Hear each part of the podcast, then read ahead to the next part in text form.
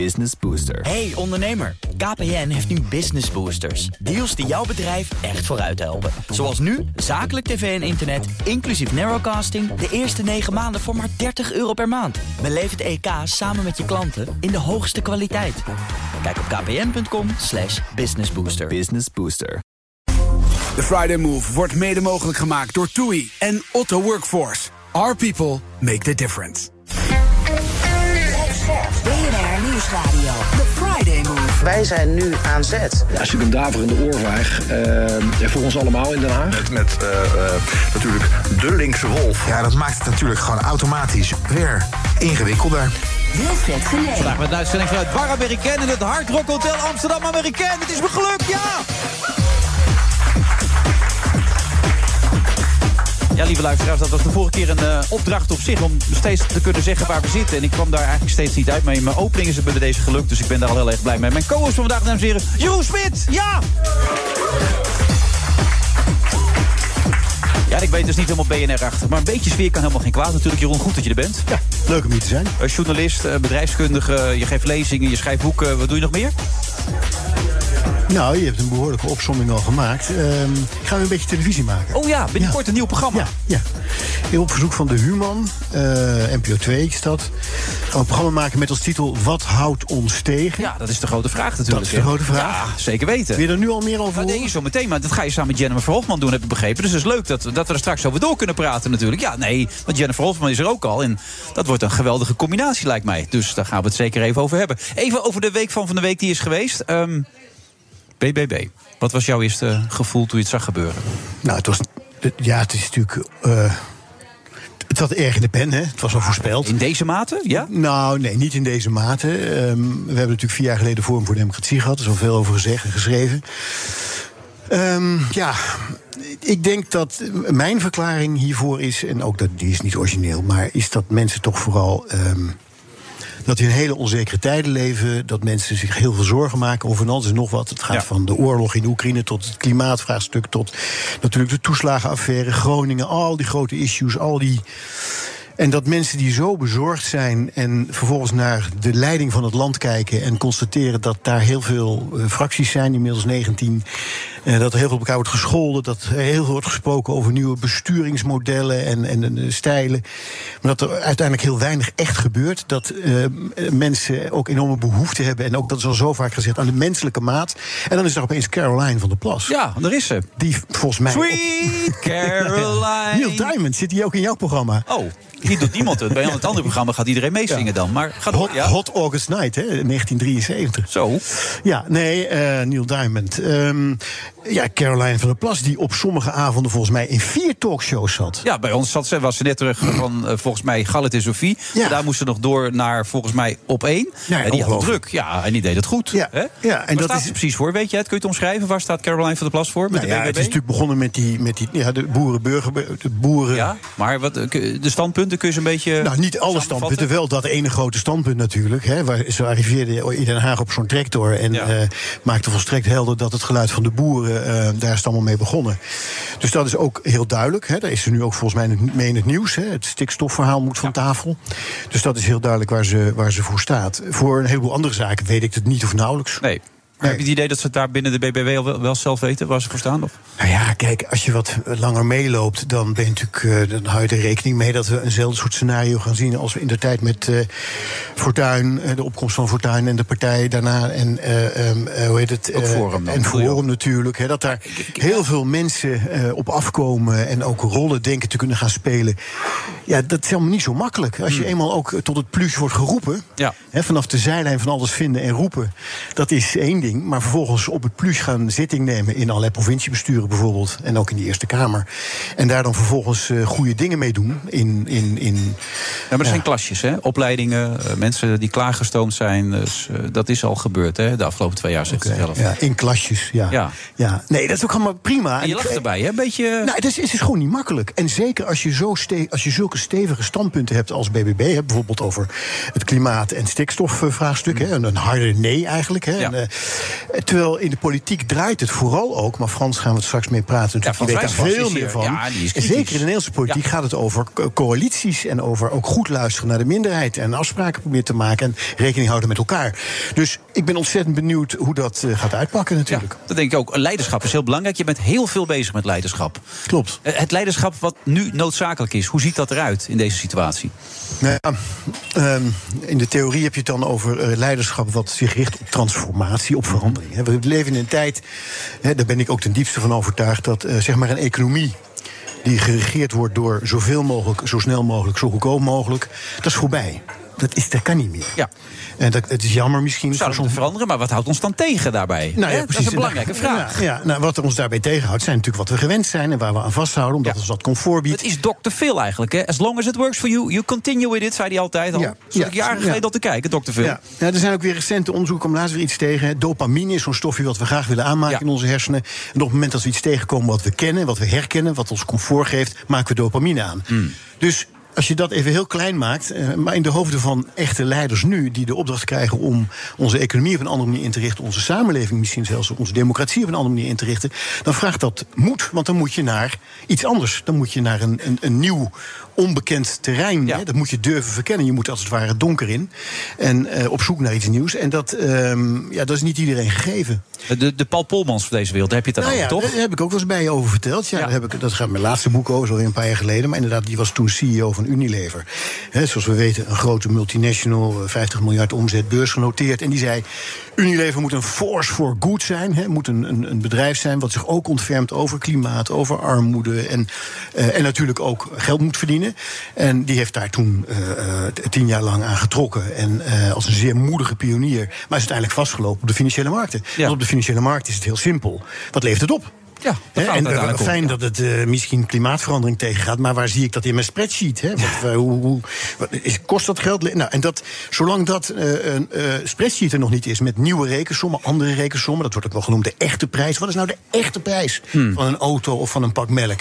Hè, betalen we dat nou wel? En de echte prijs, daar zitten al die klimaateffecten in, Ja. daar zit armoede in, daar zit van alles in. Dat is hartstikke ingewikkeld. En het vergt dus moed om daarin voorop te lopen. Transformatie is het woord, zeg jij. Is daar Mark Rutte de aangewezen persoon voor dan? Nee, natuurlijk niet. Oké, dat zijn we dan met elkaar eens dus. Ja. Nee, ja, goed. Mark Rutte heeft de afgelopen 13 jaar ehm, eh, op dit vlak. Ja, de laatste anderhalf, twee jaar begint hij een klein beetje te bewegen. Als het gaat over klimaat en Ja. over vergroenen en over eh, de noodzaak ook misschien hij van toen hij bij Europa. de JOVD zat en later toen hij ook net bij de, Ja. VVD, oh, bij de VVD kwam, toen was hij best wel Ja. rechtsgroen werd hij ook genoemd. Zeker, hij, groen kwam met, hij was met dat klimaat bezig en hij was er altijd over aan het nadenken. We moeten de wereld goed achterlaten voor een nieuwe generatie. Ja, Wat is het- 2008. ja, waar is het misgegaan? Ja, daar is, ik heb ooit een keer, was er een tijdje terug, een reconstructie gelezen van, ik geloof Petra de Koning in NRC, die hem een half jaar gevolgd Ja, klopt, ja. heeft. En Ja. wat ik me daaruit herinner, maar goed, dit is een herinnering, Ja. Die heb ik niet meer even opgezocht, maar is dat toen hij voor de leiderschap binnen de VVD ging, Ja. dat ze hem toen hebben uitgelicht. Ik geloof zelfs Edith Schippers voorop, als ik me goed herinner. Van nou, dat moet je. Dat is niet de bedoeling, hadden ze Dat moet je maar niet doen. een heel, heel schrift, eh, heel, heel verhaal, een pistel gemaakt, een pamflet. Ja, klopt. Samen met Bas Bakker of zoiets geloof ik. Ja, En die werden allebei tot de orde geroepen toen. Dit was niet de bedoeling dit. Nee, dit was Nee. niet de bedoeling. En dat, eh, want daar, daar zou hij niet de verkiezingen mee winnen. En dat, en dat heeft hij toen. Nou ja, hij wilde natuurlijk wel gewoon de baas worden. Ja. En ehm, eh, nou, dit is misschien ook wel een voorbeeld van een. Ja, leider, of in ieder geval iemand die dan ervoor kiest om eh, zich eh, zeg maar steeds ervan te vergewissen. De status quo, hè, wat, vraagt, wat vraagt het hier en nu om overeind te blijven? Nou, dat kan hij volgens mij als geen ander. Nogal, ja. In iedere omstandigheid weet hij weer. Perfect. Ja, eh, en, en altijd vrolijk en enthousiast. En hoe gaat het met je? En we moeten binnenkort weer eens een kop thee drinken. En, en natuurlijk is het een probleem en ik zie het ook. En nou ja, ik kan me dat niet precies meer herinneren. Maar nou, en, ja. dat is iemand die je dan toch op een of andere manier eh, altijd weer omarmt. En daar eh, ja, de langst zittende premier van Nederland mee Ja, maar die, die, die score heeft hij nu. 4553, 54 dagen denk ik inmiddels. Zoiets. Hartstikke mooi natuurlijk. Maar jij zegt, eh, het wordt tijd voor een nieuwe leider. Is dat Ja. Caroline van der Plas? Ja, ja, jeetje mina, dat, dat op dit moment even wel. Vandaag, Mhm. morgen ook nog. Ehm, ik weet, dat weet ik niet. Nee, ik, dat vind ik ook lastig om me daar iets bij voor te stellen op dit moment. Zie je ze Ehm, lopen? Zie je ze voorbij komen? De leiders voor de politieke wereld die het verschil kunnen gaan maken. Hmm. Een paar weken geleden zat ik met Klaas Dijkhoff. Die schreef in 2019 ook alweer een pamflet voor de VVD. Ja. We moeten rekening houden met dat er een tijd komt dat we niet meer de grootste zijn. En hoe gaan we daarmee om? En hoe kunnen we ons daarop instellen? Ja. is niet veel Ja. mee gedaan. Nee, als het gaat over binnen de VVD. ehm, iemand die wel indruk op mij maakt daar is Dylan Jezilgus. Ja. En, en dat heeft ook te maken met haar eigen verhaal, waar ze vandaan komt, wat ze gedaan heeft, de authenticiteit van dat verhaal. De, dat is wel. En het, ja, volgens mij is het land ook echt wel toe. En ik weet dat ik me daar niet populair mee maak, maar toch aan een vrouw is een keertje aan het roer. Hoezo maak je je daar niet populair mee? dan? Ja, vinden mensen altijd, eh, ah, hoezo gender, dat speelt helemaal geen rol, de beste moet, et cetera. Maar ik denk dat het wel tijd wordt om daar, wat, ehm, om daar eens een keertje wat nadrukkelijker voor te kiezen. Oh, oké. Gaan we daar eens even op door. Er schuift een dame aan waar je binnenkort leuke dingen mee gaat doen, begrijp ik. Dus daar willen we het zo even over hebben. Eh, u luistert naar de Friday Move. U kunt langskomen trouwens volgens mij in Bar Americain. En dan moet ik erbij zeggen, Hard Rock Ro- Hotel Amerika, Amsterdam American. Dat lukt me weer niet. Wat is dit? Is het moeilijk? Het is moeilijk gewoon. Dus dan Het mag ik eens kijken wat jij het eens, moet Jennifer Hofman. Wat, waar staat Hier het? staat het dan. Live vanuit... Dit is de Friday Move live vanuit Bar Americain in het Hard Rock Hotel Amsterdam Americain met de beats van Thomas Robson. Het is zo makkelijk eigenlijk. Ik bedoel, hoe kan dat nou toch? Ja, nou ja, het is best makkelijk. Loop je altijd vast Dit in dit ingewikkeld, hotel? In dat Hard Rock Hotel Amsterdam Amerika loop ik altijd vast. Dus, Ja. ja, ik weet niet, misschien ligt er iets anders vast. Ik weet het ook niet. eh. Goed, dat je ergens aan denken, ja. ja. Nou, vertel even over je nieuwe samenwerking. Leuk, toch? Leuk, man. Nieuw Nou, tv-programma. Ja, die, die, dat was, zou heel leuk zijn geweest, maar die is er niet, de nieuwe samenwerking. Oh. Eh, eh, nee, daar, is heel even sprake van geweest. Ja. Eh, ehm, want ik weet dat Jeroen een fantastisch programma gaat maken bij, voor de Human. Ja. En, ehm, en ik heb met Human ook ge- gesproken om Ja. daar misschien een soort van kleine spin-off van te maken. Maar dat is. eh, nee, dat. eh, Meen je niet? Nee, dat ligt nu een beetje in, in, de ijskast eh, of op de En waar plank. is dat op gestrand dan? Ja, dat weet ik niet. Misschien op mij. Misschien denken ze wel, eh, wie? Nee, die moet dat helemaal niet gaan doen. Dat kan. Je zat in de luizenmoeder, je zit in de publieke hoek dan op ja, dat ik moment. vind, ik vind het zelf ook eh, jammer, eh, Ja. Wilfred. Hoe, hoe kun jij het verklaren misschien, Jeroen? Nee, het idee was, jij zou online een, eh, een, Ja. hè, de, de, de, de, jeugd nog meer gaan aanspreken met ditzelfde thema. Want je bent Nou, ook. jeugd, jeugd, maar... Nou ja, de jeugd. Maar goed, jeugd- ja, hij is 60, hè, dus dat scheelt toch alweer. Ja. Komt het hard aan, Jonas? Nee, nee, helemaal niet. Nee, feiten zijn feiten. Onlangs, Dat- onlangs heeft dat plaatsgevonden, Ja. dat moment, hè? Het Ja, is goed dat je dat eh, weet. ja 3 januari zag ik. Gefeliciteerd. Ja. Ja, ja. Ah. ja, er gebeurt verder niet zoveel hoor. Het is, eh, maar het, Het is nee, dat klopt. Ja, Maar- het is klaar nu. Maar het maakt niet uit. Ga door, ja. Ja. Nou, jij bent er ook niet zo heel ver van. Nee, ik zit er vijf jaar vandaan. Ja. Ja, dat scheelt alweer. Jeetje, dat is ook vijf al, jaar. eh, Ja, nou, dat is ook bijna jaar. klaar. Goed, jij bent stukken, stukken jong. Je zit hier met twee oude jonger. zakken aan tafel. Ja. Eh, maar het idee was inderdaad online. En verder ben ik daar helemaal niet bij betrokken geweest. Dus dat, dat, dat, eh, daar, ik, ik verheugde me daar ook op. Maar dat Ja. is... ehm, Oh, oké. Ehm, dat jullie zouden afspreken om, of had de brainstorm en zo, begreep ik. Maar dat, Ja, ja, is ja. want je bent begaan met het onderwerp ook. Ja, ik ben ontzettend begaan met het onderwerp. Het, is iets wat in- aan mij, eh, mij aan het hart gaat. Dus het leek mij te gek om, eh, om daar iets mee te doen. En wie weet gaat er ook nog iets mee gebeuren, maar dan eh, op een, in een andere Ja, want voor de duidelijkheid, het programma gaat over eh, belangrijke leiders ook weer, volgens mij, toch? Of die ik- uitleggen waarom we die transformatie zo moeilijk kunnen maken. Daar Ja. komt het op neer, toch? Waar het op neerkomt is dat wat houdt ons tegen gaat over het volgende. Heel veel mensen hebben het over, misschien ook wel in jouw kring, over ja, ik moet toch maar eens me wat bewuster gaan gedragen als het gaat over vliegen, vlees eten, verspillen, plastic. Ja. Nou, zijn allemaal, allemaal- dat besef begint heel langzaam maar zeker toch echt wel nu door te dringen in brede lagen van de bevolking. En heel veel mensen willen daar iets mee, voelen zich daar verantwoordelijk voor. Eh, en dat lukt niet. Of lukt maar heel beperkt. Ja. Omdat we natuurlijk tientallen jaren gewend zijn aan ja, wat er is, wat er, wat er was en wat er is. En dat een komt voor. ja. En misschien ook wel. Maar goed, het is heel lastig om dat dan te veranderen. Dus wat houdt ons dan tegen? Nou, ik doe dat samen met twee eh, fantastische, eh, hele jonge onderzoeksjournalisten. Jaap Tielbeke en Daphne Dupont. Die zijn echt goed. Nou ja, die, ik vind ze ontzettend goed. Ja, echt dat is belangrijk om te weten. Jij Ja. ze goed vindt. Ik bedoel, dat hoeft niet dan zo te zijn. Maar jij vindt ze goed. En dat is belangrijk. Ik vind jij met ze. Nou, ja. en, en met elkaar zoeken we dan uit wat houdt ons nou tegen, wat is dat dan? En dan kom je uit natuurlijk op eh, het, het, het systeem wat we kennen. Ja. De, de ruimte die er is, de regels die er zijn. En ehm, met die inventarisatie gaan we dan uiteindelijk naar een leider, een leidinggevende. Dat kan de minister zijn of een staatssecretaris, maar is ook vaak een CEO. Of met de vraag: wat houdt jou nou tegen? Want ja, eh, om iets te veranderen heb je mensen nodig. We hadden het Ja. net al even over die. Ja, Rolmodellen, die iets-. Ja. En die aan knoppen kunnen draaien, Ja. die iets kunnen veranderen. Nou, en dat is, dat is eigenlijk grofweg de opzet van het programma. Oh, nou, klinkt goed, hè? Toch? Ja, een fantastisch programma. Dan probeer je mensen ook bewuster te maken dat ze niet en een huis in Frankrijk en Nederland moeten hebben waar ze tussen pendelen, maar gewoon dat ze op één plaats blijven, dat ze niet zoveel het milieu vervuilen en zo. Dat is flauw of niet, ja. Nou ja, eh, ja, ik ja ben- dat gaat jou aan het hart ook, dit soort dingen, toch? Absoluut, ja. nee, ik, ik, ik probeer zo min mogelijk het milieu te vervuilen. Ja. ja, wat lastig is, want mijn vriend is Amerikaans. Ja, die moet dus vliegen. En die, ja. Ja. ja, of je zit heel lang op die boot. Ja, Ja.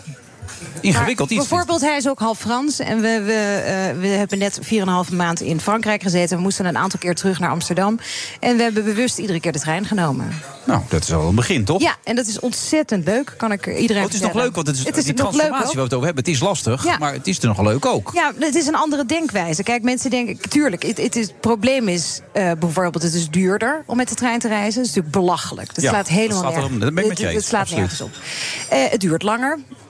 Eh, en, nou ja, en je kunt nog wel eens voor, eh, soms is er vertraging, hè, of soms, Ja. eh, soms rijdt een trein niet.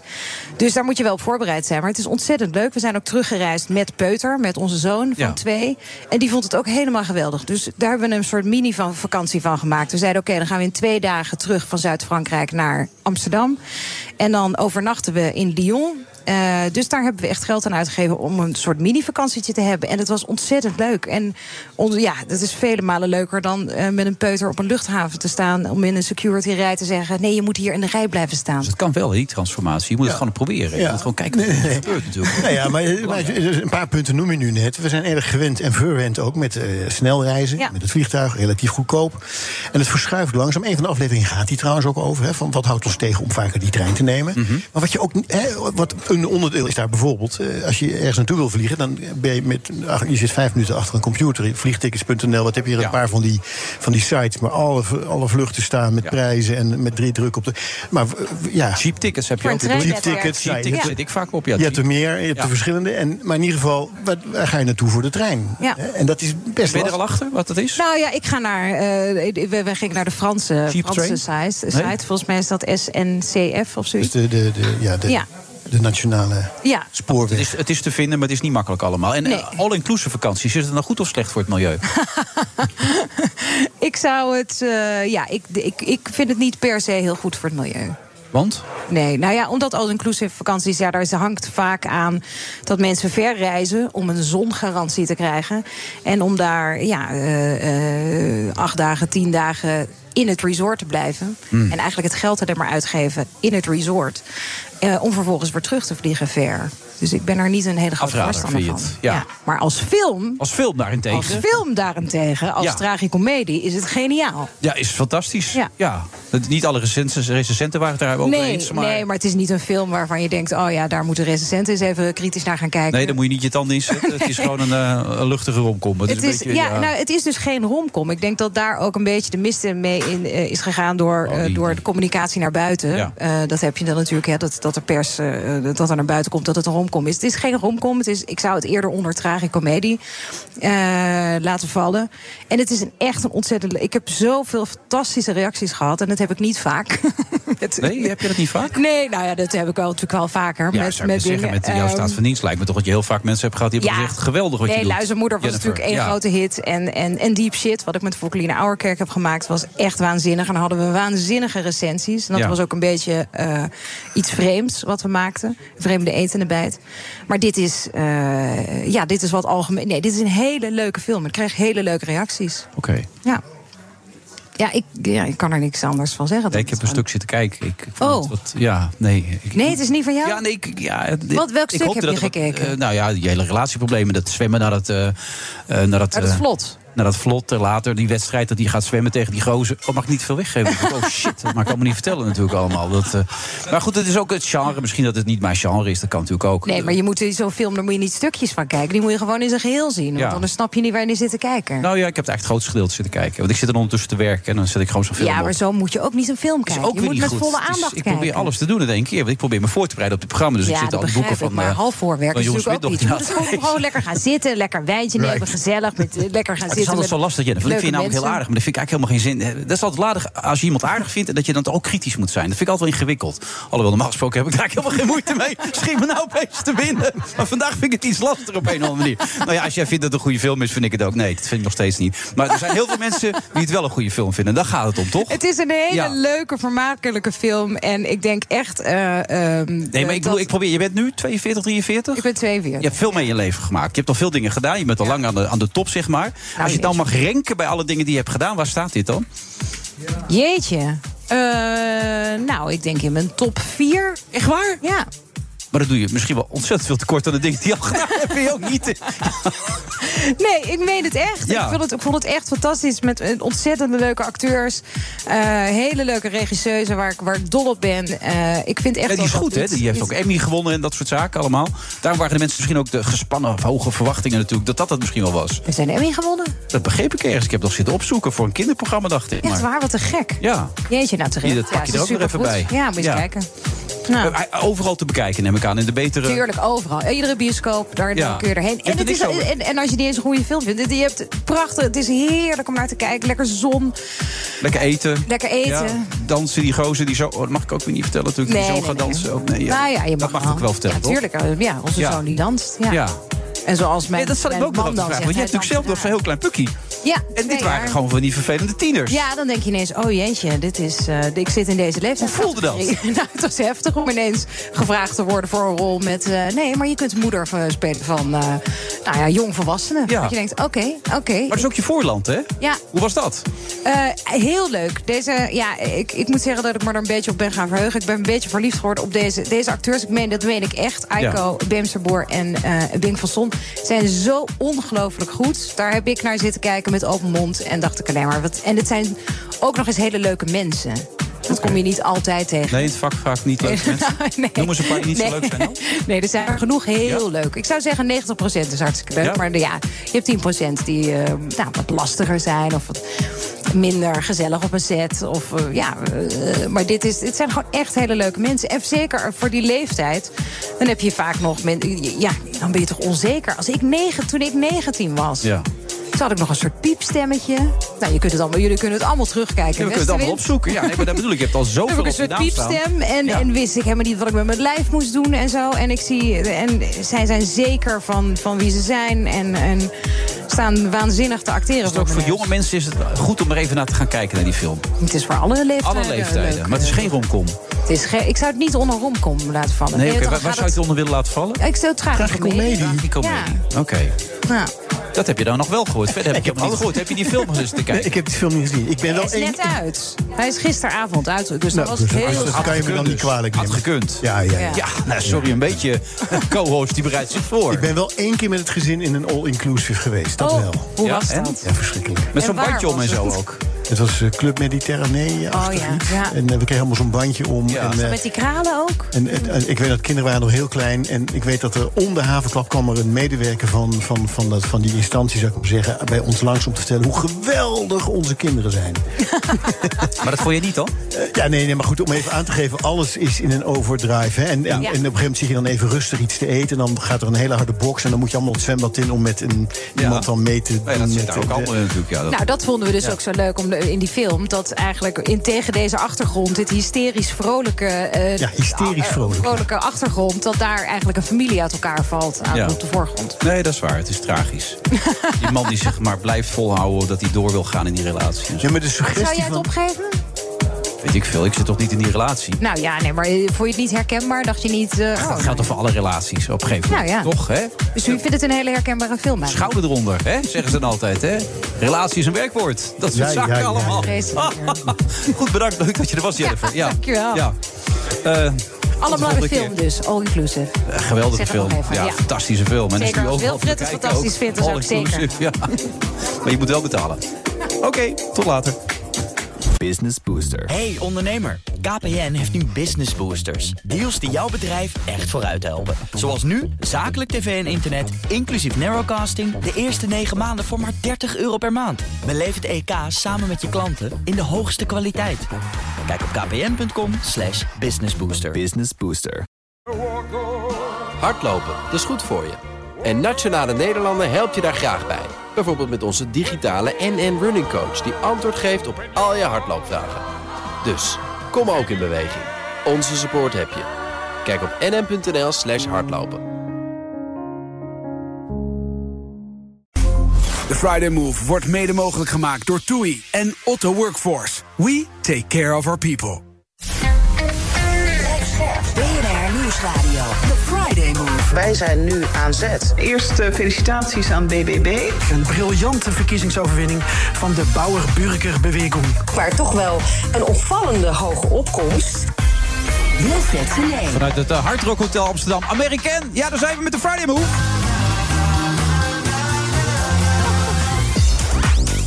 Zo, dat was een hele aparte intro van onze eigen DJ Thomas. En Jeroen Spits zit er ook nog steeds. Kan niet nog wel voor jou, Jeroen, op die leeftijd, deze muziek? Of zeg je, het is te veel voor je, ik zie het aan je. Jongen, heerlijk, lekker. Ja, toch nog Tuurlijk. steeds, ja? Prima. Zo ben je nog wel. Man, man, hoe, wat, wat ben je Het van plan? jongetje is er hoe nog zet wel. je me neer? Het jongetje is nog wel gebleven. We hebben avonturen beleefd, weet je nog? Ja, ja, dat was wel grappig. Want ik zat natuurlijk naar aanleiding van dit interview met jou... nog even wat interviews te lezen. Toen kwam ik een interview van jou en je vrouw tegen, Dorette. Ja. Hartstikke leuk. En daar meldde ze in dat jij in je leven maar twee keer dronken bent geweest. Daar ben ik dus één keer bij geweest, blijkbaar. Ja. ja, toch? Ja, en dat was op, op, in Zeeland was dat, Dat ook was nog. in Zeeland, ja. En dat, ja, dat liep niet helemaal goed af. Nee, dat liep, Ja. dat, en daarom, want daar staat ook in hetzelfde artikel... dat jij eh, altijd heel rustig en ingetogen bent... en dat zij zelf ooit een keer een nacht heeft vastgezeten... vanwege wildplassen in Amsterdam. Jeetje, Mina, ja. Dat we, hebben het, verteld. we hebben het over de vorige eeuw nu. Ja, hè? nee, dat weet ik wel. En dat zij Ja. hem nog wel eens raakte. En dat ze nog wel eens wat dronk. En dat ze zei, ja, maar zo is... dat wil ik dan toch, eh, over de Ja? vrouw van mijn leven, die wil ik dan toch wel even.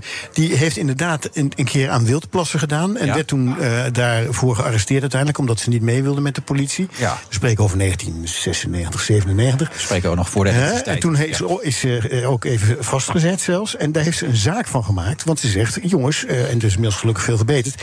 waar moet een vrouw hè, om vier uur s'nachts als de cafés dicht zijn... Ja. En, en ze moet nodig. Mannen kunnen overal terecht in meer of mindere mate. En vrouwen niet. En dat is toen geseponeerd. Oh, oké. Dat heeft ze nog heel netjes gedaan. Maar het ging eigenlijk over Nou, jou. het sterker nog, ze heeft een revolutie veroorzaakt. Oh, kijk, nou, dat iets ook nog. Maar het ging eigenlijk over jou. En daarin schetste zij het beeld van iemand die altijd rustig ingetogen... en vooral niet uit zijn dak gaat. En dat was die avond in Zeeland, kan ik me nog herinneren. Net iets anders. Ja, ja. Ja. We toen met paarden in de weer geweest. Stroolrijden was het toen, weet je dat nog? Hij lult er steeds bij weg. Dat merk je aan alles natuurlijk. Maar goed, zullen we het daar maar bij laten dan, Jeroen? Nee, maar ik- mijn herinnering is feilloos. Ik weet precies wat er gebeurde. Maar volgens mij wil je niet dat ik dat verhaal vertel. Jij werd boos op die mensen. Ik stond er een beetje bij, zo van rustig, rustig. Wij hebben nu ook wel iets meer context nodig. Stonden daar- laat, laat ik het iets neutraler vertellen. Wij stonden daar als twee Amsterdammers. We waren op bezoek in een, een prachtige provincie in Zeeland. Na een middag met paarden door, het, eh, over- door dat water. Hè, dat stroolrijders die paarden voor het eerst naar buiten gaan. wij wij, stonden daar, en wij stonden daar aan, aan, aan, aan de bar. En die bar die dreigde dicht te gaan. En we vonden dat geen goed idee. Eh, want wij dachten van nou kom op jongens. Hè. En, en, en toen werden wij geïdentificeerd als twee eh, wel randstedelijke... en misschien is het ook wel gekoppeld nu aan de actualiteit wat ik Ja, nu zeg... het- Amsterdammers die daar dachten van kom op jongens, eh, kom op, doe een rondje voor de hele zaak.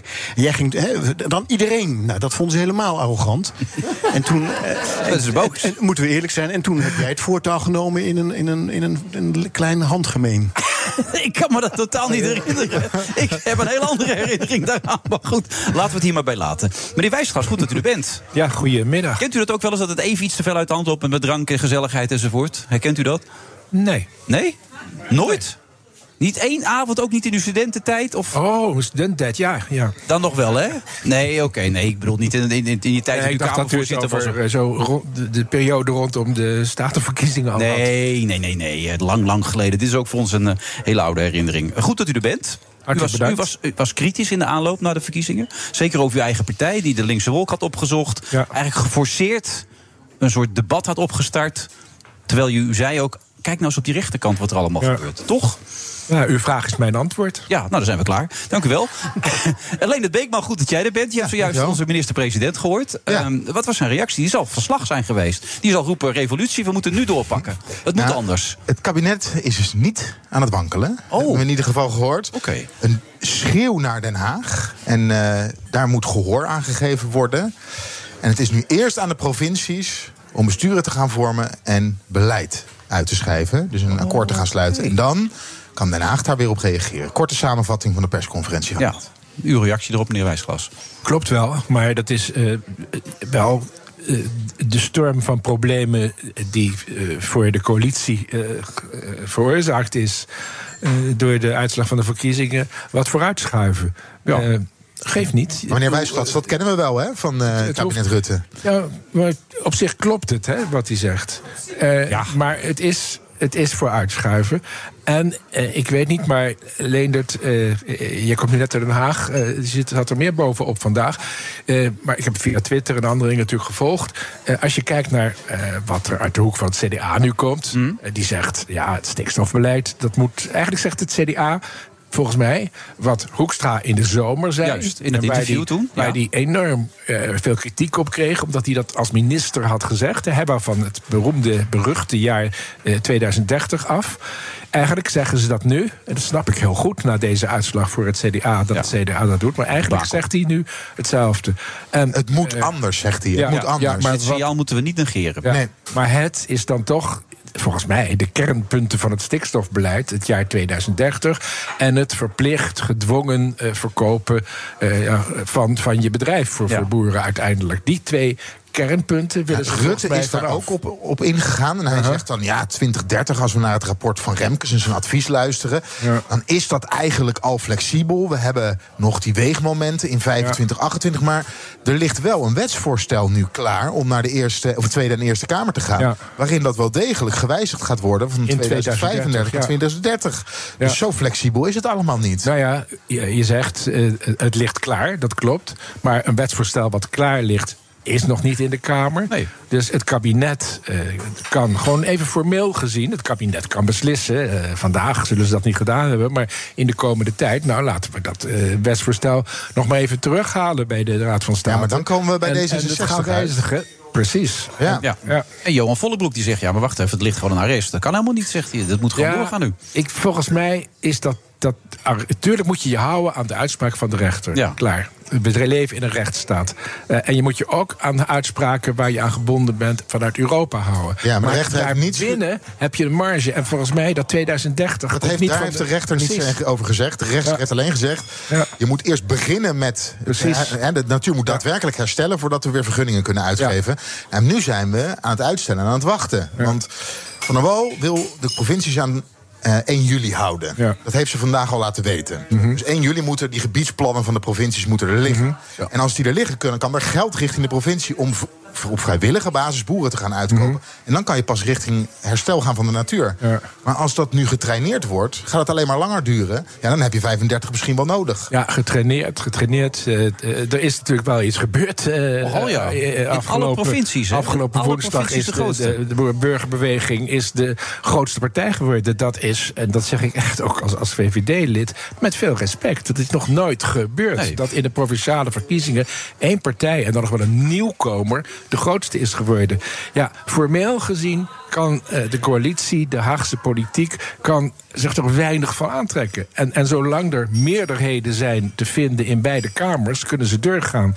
Maar ja, politiek is geen, geen formaliteit. Eh, politiek is politiek. En, en, en als er verkiezing is geweest, dan moet je eh, als politicus en als kabinet daar ook naar luisteren. Dus ja, terugkomend bij het begin. eh, eh, het wordt een moeilijke weg voor het kabinet. Ik begrijp dat Rutte het nu wat uitschuift. En Maar er is jij echt er wat aan- zei, ja. D66, die houdt zich ook vandaag weer, zag ik. Pootstijf. De pootstijf. Kan ik me... Ik kan me in iedereen verplaatsen. Dus ik me nou Dat is wel in makkelijk ook, als je dat D66. dan- ja. Nou ja, voor het Er gesprek. zijn ook mensen die het niet kunnen. Voor het gesprek. Maar Ja. als je je verplaatst in D66... ja, het zou wel gek zijn om vandaag te gaan roepen... Voor ons mag het ook eh, 2040 zijn. Dat, dat zegt niemand. Maar dus, Hmm. eh, ik kan het begrijpen... Maar met, met, je kan alles begrijpen, maar op een gegeven moment moet er een situatie ontstaan waarin men of doorgaat als coalitie. Ja. En met volgens mij Politie stabiel hebben we net gehoord. wijziging in het, in het stikstofbeleid. Of constateert, we komen er niet uit. Nou, maar er is wel een ook. probleem. Vanavond het CDA komt al bij elkaar. Opstand bij de provinciale afdelingen, maar en ook de lokale afdelingen. Zij zeggen Mhm. echt, eh, hey, wij, kunnen hier niet meer, wij gaan hier niet meer mee verder Nee. als het zo doorgaat in Den Haag. Nee. De groep hè, Hoekstra moet vervangen worden, ook vanuit de jongeren vanuit het CDA. Ja, heb ik gelezen. Ja. Eh, Omzicht zijn naam komt, eh, komt in beeld. En dan gaan we naar D66 met uh, Tjeerd de Groot staan praten. Tjeerd de Groot zegt gewoon... ja, wij hebben een verkiezingsbelofte gedaan. We gaan ons aan het eh, regeerakkoord houden. En die verkiezingsbelofte, die staat. Ik doe geen water bij de wijn. Weet je, ik ben heel lang Kamerlid geweest, hè, 24 jaar. Ja, je bent er langer geweest, en, ja. eh, ik heb, eh, Had je voorzitter nog Ik ook? heb eh, ook. En ik heb als Kamerlid heb ik wel eens mijn nek uitgestoken. eh, en dat werd heel lang gesteund door de partij. En op een gegeven moment zei Frits Bolkestein, die er ook van hield om zijn nek uit te steken, die zei tegen mij: Ja, Frans, eh, je hebt hartstikke gelijk. En je doet het heel goed, het VVD-standpunt naar voren brengen. Maar we zitten in een. Dat was tijdens Paars. We zitten in een coalitie, ook met D66. En ja, sorry Frans, maar we moeten wat water in de wijn doen. En ja, dat zou Kaag eh, op een bepaald moment ook tegen de Groot en tegen Paternotte moeten zeggen. Want anders lopen ze hartstikke Maar vast. ik zie Jeroen nu al met zijn hoofd schudden. Ja, gelooft er niet in. Nee, ik dat hoop niet dat ze dat doen, want we, we moeten, moeten gewoon aan de bak. We, we hebben het net weer even gehad over klimaat en over allerlei grote ontwikkelingen. Dat stikstofvraagstuk is gewoon een gegeven. We moeten daarmee aan de slag. Er ligt een rapport van Remkes, ook een partijgenoot, dat volstrekt helder is. Binnen een jaar 500 tot 600 grote uitstoters. eh, eh, Piekbelasters, eh, ja. ja, de piekbelasters eruit halen eh, eh, en ook compenseren, et cetera. Gewoon aan de slag nu. Dus ik denk inderdaad dat of eh, ze zetten door uiteindelijk. Hè, het CDA, nou goed, dan moeten ze dan afwachten. En dan komt het in de Eerste Kamer. En dan heb je eigenlijk rechtsom of linksom. Nou, rechtsom is geen optie, want BBB gaat dat niet steunen. Maar linksom is ook 15 zetels in de Eerste Kamer. Hè, dat is eh, de Partij van de Arbeid GroenLinks. Dus dan komt het prima door de Eerste Kamer. Maar dan komt het bij de provincies. Dus ik- ik ja, maar je kunt zover prima door de Jeroen. Eerste Kamer. Dat is echt een probleem. Want bij de VVD en komt bij het het, CDA... het beleid zoals het nu staat eh, door de Eerste Kamer over links... gaat niet gebeuren. Want daar heeft Hoekstra nu al van gezegd... we moeten het aanpassen. Zoals we nu, de weg die we nu ingeslagen hebben... kunnen we, niet, kunnen we daarmee kunnen we niet verder gaan. En D66 is eigenlijk de campagne ingegaan. En ze hebben gezegd, ja, geen stilstand, vooruitgang. Dat ging over stikstof. Dat is de verkiezingsbelofte. Maar jongens, één wat- eh, van de twee moet breken. Ja, zou ik net zeggen. Maar hoe moet het nu verder dan? Dit is niet echt een eh, optimistisch scenario. Nou ja, we, eh, we hebben de, de minister-president die eh, er groot in is. Eh, en dat zeg ik echt niet omdat hij van mijn partij is. Je kent me, dat, dat, ik steun niet, niet alles van mijn partij. Absoluut niet. Die was ook kritisch over Maar het debat. We hebben een, een minister-president die bij uitstek in staat is om compromissen te vinden om in nieuwe situaties tot, tot, nieuwe, ja, tot nieuwe beleid, zou ik bijna zeggen, te komen. En om ja, een uitweg te vinden. Ik, ik vind dat woord geitenpaadje altijd een verschrikkelijk woord. Maar Het is er wel eentje. Om, om een enorm, dit is nu een enorm geitenpad aan het Ja. worden. En we hebben een minister-president die daartoe in staat is. Dus hij moet nu al zijn, zijn, zijn, zijn kracht de komende maanden, niet vandaag, niet morgen, maar de komende maanden erop zetten om die coalitie bij elkaar te houden. En dat is hartstikke moeilijk, want hij heeft de provincies, hij heeft zijn achterban, de CDA-achterban, de D66-achterban, meneer De Groot die nog niet teruggefloten is. Het is hartstikke moeilijk, maar dat is zijn hoofdtaak nu. En als die dat niet lukt. Als het niet lukt, ja, dan is het ergens, eh, ik weet niet wanneer, voor de zomer, na de zomer, is het einde van deze coalitie. Dat is Ja, duidelijk. maar dat betekent ook, want zoals de partijen er nu voor staan... dat ze dat alle, allemaal niet kunnen voorloven. Dat zie je natuurlijk wel wat gebeuren afgelopen periode. Ja, maar dat is het, het dilemma, denk ik. Ze kunnen het zich ook, D66, sorry, CDA met name, kan Hmm. zich ook niet veroorloven om op de huidige weg door te gaan. Dat Want dan ik- zijn ze die laatste vijf zetels in de Eerste Kamer straks ook nog kwijt. Dat ben ik meneer, helemaal eens met eh, meneer Wijsglas. Want wat hebben ze nou nog te verliezen? Ze, ze zien dat als ze doorgaan op de, in de, weg blijven inslaan waar ze in ge- gegaan zijn, dan verliezen ze. Nou ja, je zag toch vorige week met Dirk Boswijk... Die, eigenlijk begon het CDA het eerlijke verhaal te vertellen... maar dat, dat pakte heel slecht uit natuurlijk. Dat het toch echt wel ernstiger is dan de BBB soms doet voorkomen, toch? In de Ja, situatie met stikstof. zeker. En juist het CDA probeerde dat in de laatste weken wel wat duidelijker te maken. En daar werden ze op afgestraft natuurlijk. Want dat Ja. wilden ze niet horen. Omdat ze er zo laat mee kwamen. Ja, ze kwamen er ook veel te laat mee. Maar dat was wel het risico wat ze namen. Dat ging mis. Ja, maar nu nemen ze toch weer afstand van het verhaal. Ja. Eh, nu zeggen ze toch, Dirk Boswijk zegt ook Tjeer te Groot, aanval Tjeer te Groot, is de beste campagneleider voor, van BBB geweest. Hè, met eh, het schoppen. eh, Ja, die halvering. Daar ja, die het halvering. Ja. Maar Frans, Frans, ik heb een gekke gedachte. Sorry, ik kijk naar Leonard. Er is een gekke gedachte. Het komt zomaar bij me op. Mag hoor. Zouden ze in dat, in dat crisisberaad vanavond gewoon eens gaan praten... Ja, ik heb het crisisberaad genoemd. Dus zij noemen het een overleg. Nou maar ja, de- de- laten we ervan uitgaan dat het crisis weet is. ik uit mijn ervaring De, de etiketten die op overleg eh, geplakt worden. Nee, maar het komt bij me op. Zouden ze niet, niet gaan praten? Of, of Boswijk niet eh, de nieuwe politiek leider zou moeten worden? En, en, en Hoekstra zich gaat beperken tot het ministerschap van Buitenlandse Zaken? Maar dan vraag ik me wel heel erg af of Boswijk, groot. Of Boswijk dat wil. Want Boswijk heeft zich de afgelopen tijd wel eh, uitgelaten over het woordvoerderschap op, bij, op, op het dossier stikstof. Hij heeft wel gezegd, ja, dat is niet de leukste baan die ik ooit gehad heb, zullen we maar, eh, zullen we maar zeggen. Ja, maar en om dan partijleider niet- te gaan worden en dat dossier op te gaan lossen, ik vraag me af of hij daar wel zin in heeft. Jij wilde een vraag Nou ja, stellen. het leven is niet alleen leuk. Even met al jouw wijsheid en ervaring, je gut feeling. Mark Rutte, 13 jaar premier, geitenpaadje noem je weer, vindt het een rot woord. Maar is het niet gewoon op? Na Groningen, na de toeslagenaffaire, nu dit weer. Het, het, het opnieuw weer niet aanvoelen wat de samenleving vraagt. Hè. Ik vond het zo mooi. mensen onder de armoedegrens, Ja, het is, narcostaat. het- het- ik vond een mooie, een mooie worden. quote van een oud CDA-landbouwminister vanochtend in NRC. Vind ik leuk. Kees Veerman ken je ook nog natuurlijk. Die ken ik goed. De samenleving, de samenleving schreeuwt om de nabijheid van mensen. Nou, daar gaat het ook nu weer. Hè, het niet aanvoelen. Is het niet gewoon op op een gegeven moment? Ook voor Mark Rutte. Ah, ik weet niet, ik heb, Mark Rutte gezien in het programma, eh, het andere programma, zou ik maar zeggen, van Wilfred op televisie, VI. Nou, daar vond ik hem behoorlijk nabij de mensen hoor. Maar tegelijkertijd, kijk, hij is natuurlijk een geweldig politicus als het gaat om eh, redeneren, om, om zich steeds in een situatie goed te redden. Maar is hij daarmee nog de juiste president, eh, minister-president in dit land? Ik bedoel, Ja, dat ja. maakt het een beetje ingewikkeld allemaal. Hij is namelijk ook mede veroorzaker van deze problemen die wij kennen in dit land al 13 jaar. En eh, zoals je in Amerika ook ziet, mag je ook maar twee termijnen. Op een gegeven moment kan het toch ook een keer op zijn? Ja, eh, wat willen jullie? Eh, Nou, dat hij u dat zegt, want dan kunnen we moet dat een beetje regelen eh, vanavond nog. Nou ja. Nou ja, Nee, dat is toch onzin. En, Wat Johan Derksen betreft wel. Die, die roept dat elke uitzending. Ja, maar die heeft dat- wel, die- heeft wel VVD gestemd. Nee, die heeft BBB gestemd. Nou, ik- nou goed. Hij heeft BBB dat is een ander programma. Ja. Maar, eh, god, Johan Derksen, ik ben meteen van mijn apropos af. Ja, ik merk Nee, het. Weet je, in 2025 is er een nieuwe situatie. Er komen er Tweede Kamerverkiezingen, tenzij het kabinet eerder. Nou, waarschijnlijk wel in september. Dat denk ik ook, ja. Dan moet Rutte voor zichzelf zijn mind opmaken. En, en moet de VVD als partij zijn mind opmaken. Haar Maar wat mind is jouw opmaken. advies dan aan Mark Rutte? Nou ja, het, het, het hangt hartstikke af van de vraag eh, of er een goede opvolger is. Ik zie hem of haar nog niet, eerlijk gezegd. Nee, maar dat is toch ook eigenlijk een zwaktebod. Hij zei in 2013, een goed leider zorgt voor zijn opvolging. Daar Ja. is hij vanaf dag één mee bezig, zegt hij. Ja. Sinds hij eh, het, het kabinet mag dragen als minister-president. En na tien jaar, tien jaar na dato staat er nog steeds niemand. Het is niet gelukt, daar heb je Hij hartstikke zegt, ik ben in. niet de eigenaar van de VVD. Maar dat is hij wel inmiddels. Hij is gewoon de eigenaar. hebt gelijk, Wilfred. Ja. En, en, en, Het is een inderdaad, pater en- familias van een familiebedrijf die niet weg wil gaan. En dat weet Jeroen beter dan, dan wij, of dan ik in ieder geval. Als je naar bedrijven kijkt, hoe ontzettend belangrijk het is dat er een opvolger jaren voordat de CEO weggaat klaarstaat. En dat heeft, hij, heeft Rutte slecht Nou ja, ze hoopten natuurlijk dat Schippers de opvolger Ja. zou zijn. Maar die, die heeft, en dit, het is toch tegengevallig eh, wat Schippers gedaan heeft tijdens de campagne. Ja, dat vind ik ook. Ja. Maar Mark moet dus gewoon door. Dat is eigenlijk het advies.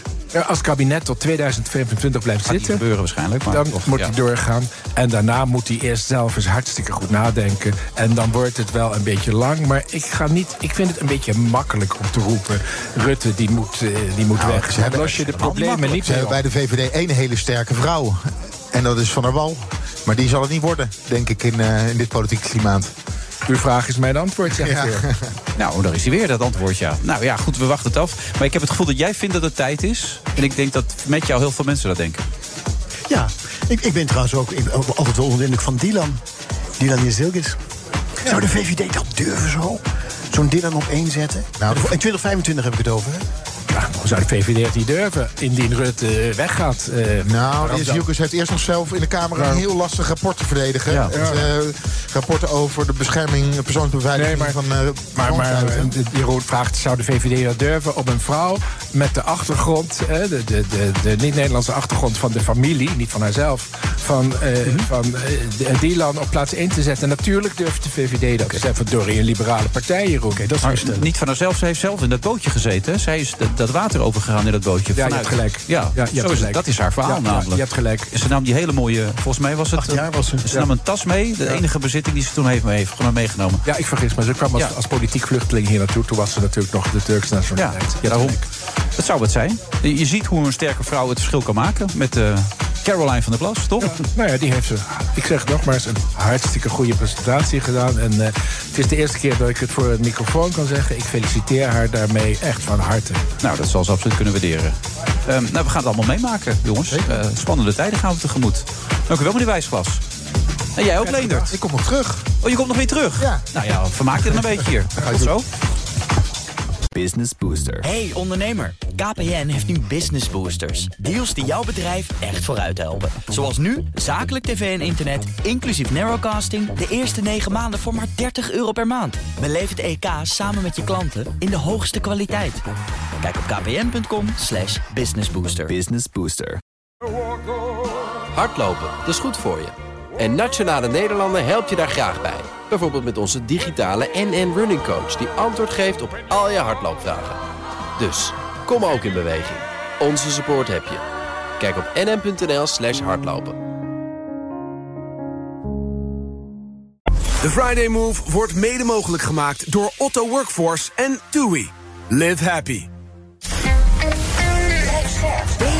Nieuwsradio. The Friday Move. Wij zijn nu aan zet. Ja, is natuurlijk een daverende oorvijg eh, voor ons allemaal in Den Haag. Met, met eh, eh, natuurlijk de linkse wolf. Ja, dat maakt het natuurlijk gewoon automatisch weer ingewikkelder. Vanuit Bar Americaine, het Rock Hotel Amsterdam American. Ja, het is weer gelukt. Oh, oh wat lekker. Op vrijdag 17 maart. Jeroen Smit is nog steeds mijn co-host, eh, journalist, boekenschrijver. Eh, ja, hij kan ook ingehuurd worden om een lezing te geven. TV-presentator, nieuw programma binnenkort op Human. ik Zeker. Human, klopt, Ja? ja. En komt er ook nog een nieuw boek aan binnen afzienbare tijd? Of zeg je nou even niet? Er komt ook een nieuw boek aan, ja. Maar dat wordt iets heel anders dan wat ik gedaan heb. Ik heb drie keer natuurlijk zo'n grote reconstructie gemaakt. Ahold, Armin Amro, Unilever. En met als vraag, wat ging daar mis in het leiderschap? Of wat ging daar goed, wat ging daar mis? En nu ben ik al een hele tijd aan het nadenken... en ook een beetje aan het schrijven. En, eh, ehm, over wat is dat toch een wereld die geregeerd wordt door managers? Managers, ik, ben, ik heb zelf eh, bedrijfskunde gestudeerd. En, eh, en- als je als manager wordt opgeleid, dan leer je eh, heel slim rekenen, goede rekensommen maken. Wat kost iets, wat levert het op?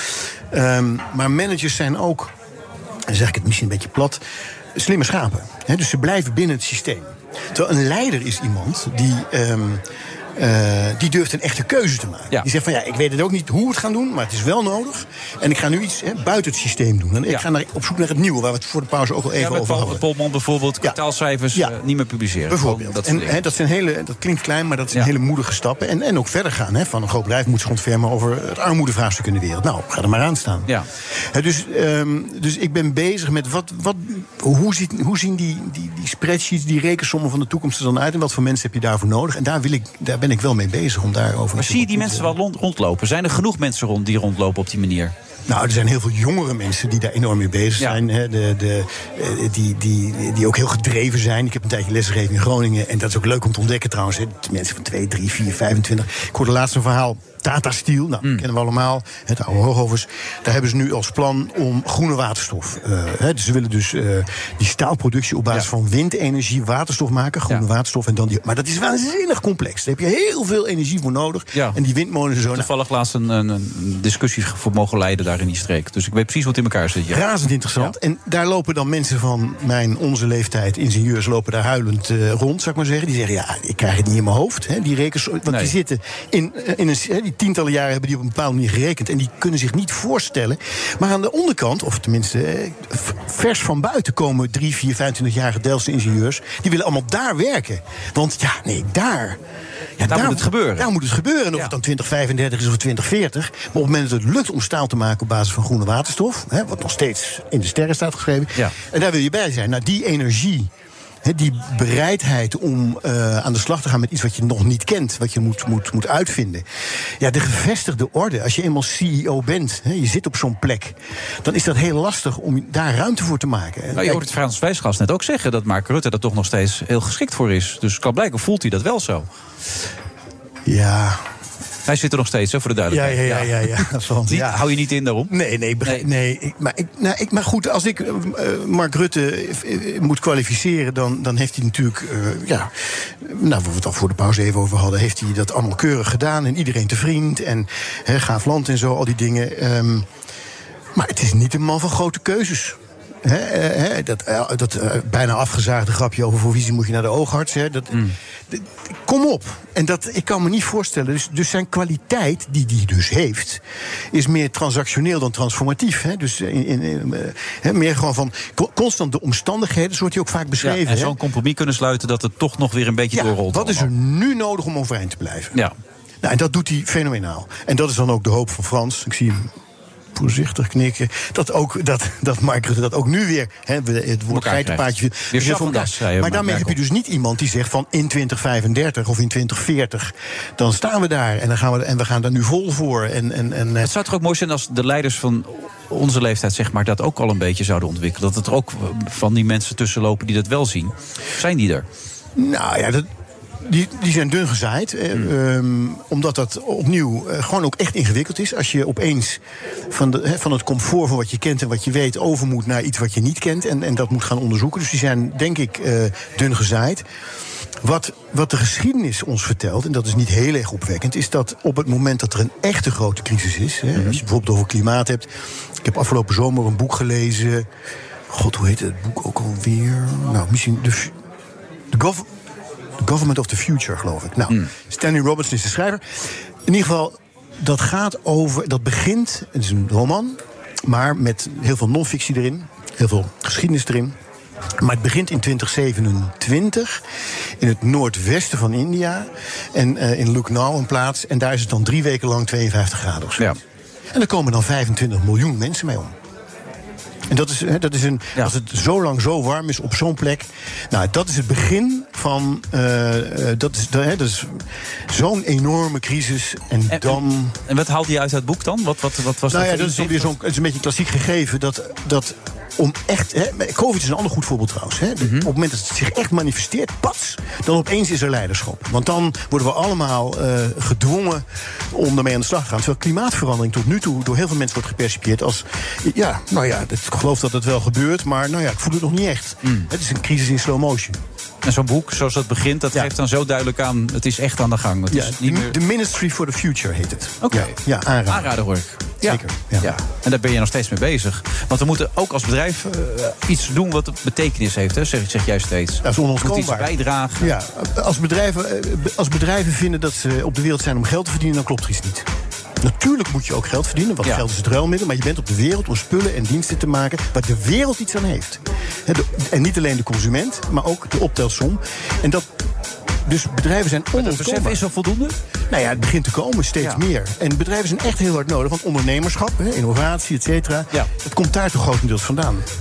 Ja, onze volgende gast zit al te knikken. Ja. Eh, ja, meer op de beat van de muziek. Maar, Oh, oké. Ik dacht dat je instemmend knikte op wat, wat Jeroen Smit zei, Sanne Wallis de Vries. Maar dat was dus niet zo. Mm, ik zat niet heel goed op te letten. Oh, het was heel interessant wat hij vertelde. Ja, maar ja, ik... Dus het gaat eh, over de toekomst. Ook voor jouw toekomst. En die van jouw kinderen heel belangrijk natuurlijk ook. ja, nee, ik ben het er volkomen mee eens. Oké. nou, ander muziekje gaan we weer. Als je het niet mee eens bent.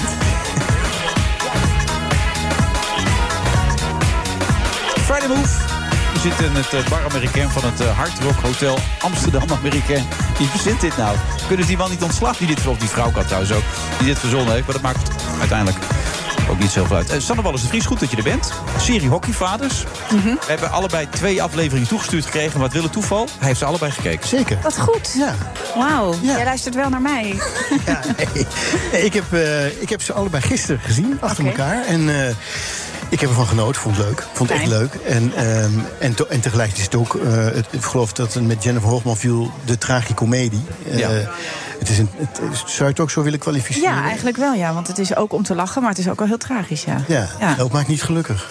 Nee, zeker niet. Nee, nee. Heb je het ook gezien? Ik heb de eerste aflevering gekeken. Oké. Ik moest, ook, nog, ik moest ook die film nog kijken, ook, die van eh, Jennifer Hofman.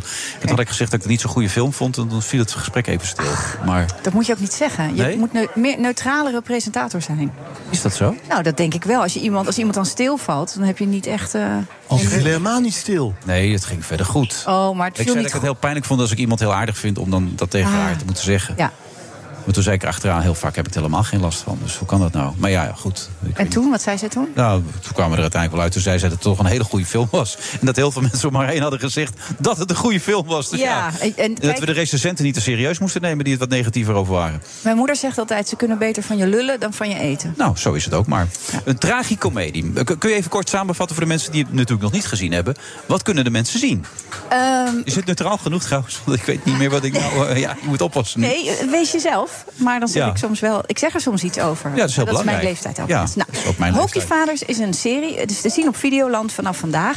En het gaat over nou ja, het hockeymilieu. En een bepaalde club in het hockeymilieu... die te dealen krijgt met de nieuwe tijd.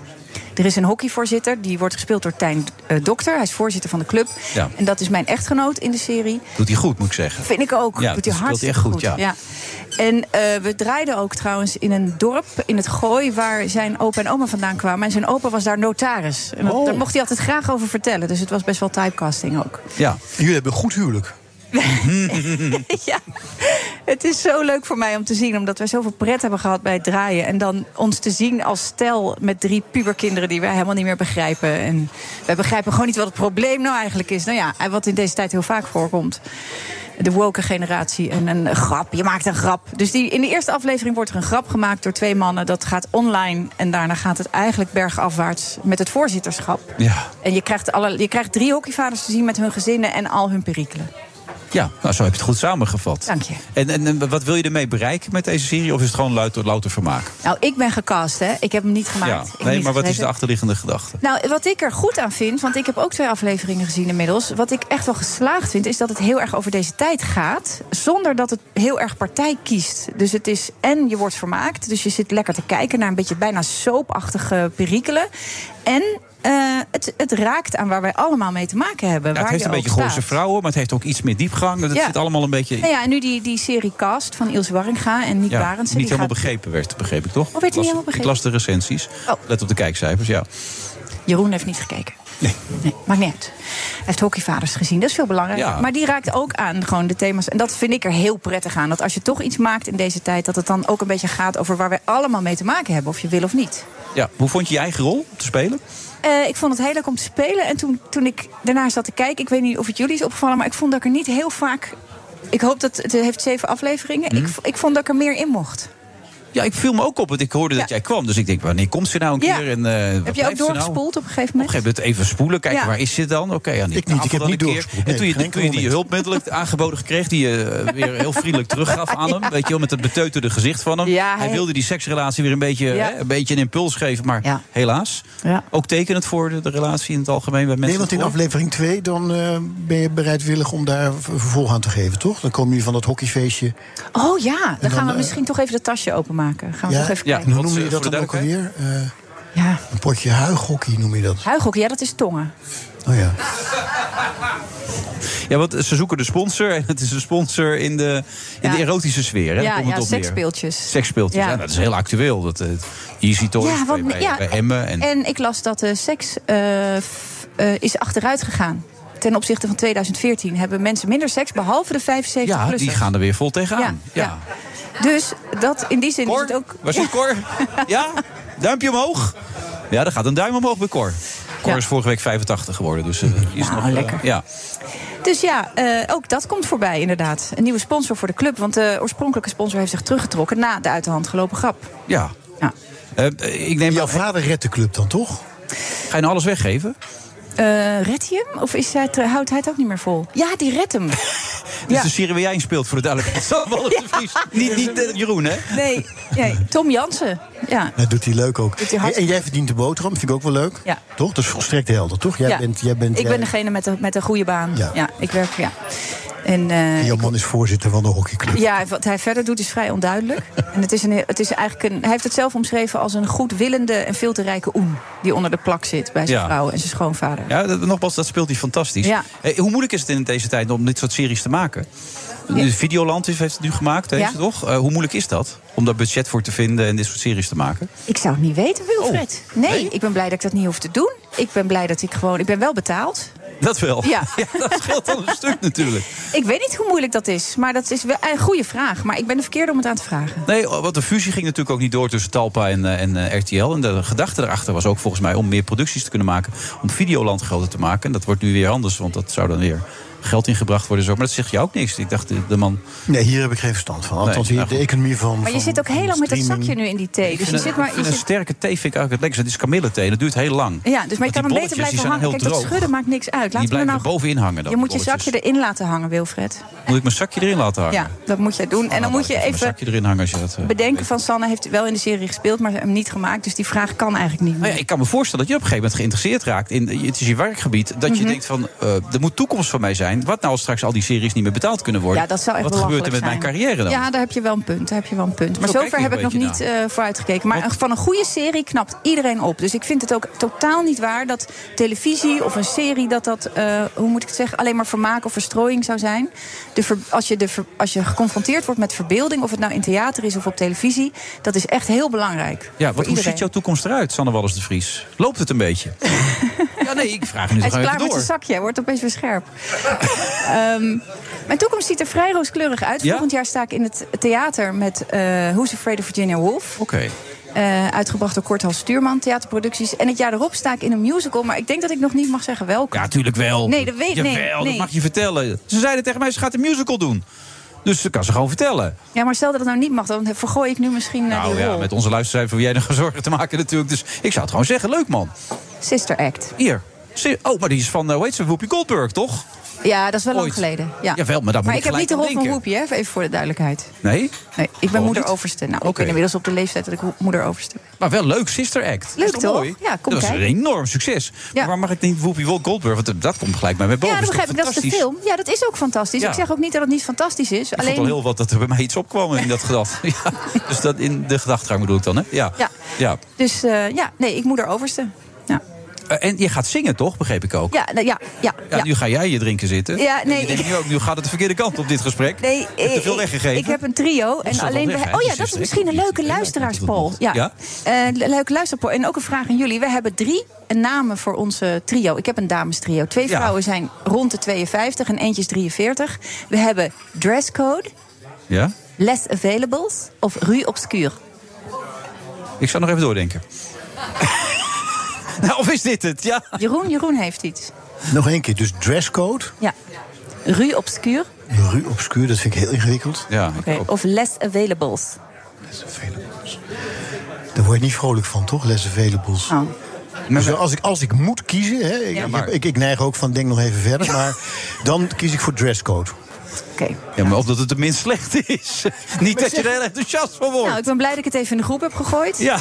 Bedankt. Maar is voor dit het. Is dit het dan? Nou ja, nee, nu ik dit heb gehoord, neem ik dat weer mee naar de meisjes. Die nu luisteren trouwens. Dus die gaan nu ook weer met elkaar in conclave. Van, ja, het ik valt ben niet van de les availables.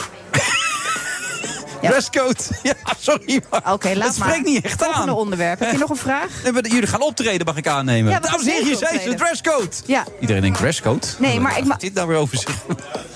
Eh, wacht Oh, maar, tot wij heel succesvol zijn. Dan komen wij kijkt terug. heel boos nu. Nou, ik vind het toch wel. Ik ben hier te gast. Jij bent te gast hier. Je zit eerst heel lang met je zakje te, bezig.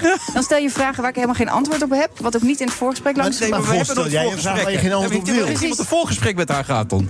Heb je een voorgesprek gehad? Oh. Ja, heel leuk voorgesprek. Dat was wel heel leuk. Nee, ik vind het hier ook heel leuk. Ik vind het altijd heel leuk. Maar het is wel, wel vervelend als je een soort van gaat uitlachen. Dat is gewoon niet Nee, ik lach je niet uit. Alleen de namen zijn niet echt. Maar dat wacht je... even, ik wil toch even heel helder. Ja. Jij Ja. stelt ons een vraag, Ja. toch? Die hield je echt voor. Ja. En daar wil je dan geen antwoord op. Ja, en als maar, dan ik, eerlijk zijn. maar als de, kijk, jij doet het redelijk normaal. Maar Wilfred gaat echt heel lang zitten lachen om die naam. Less available.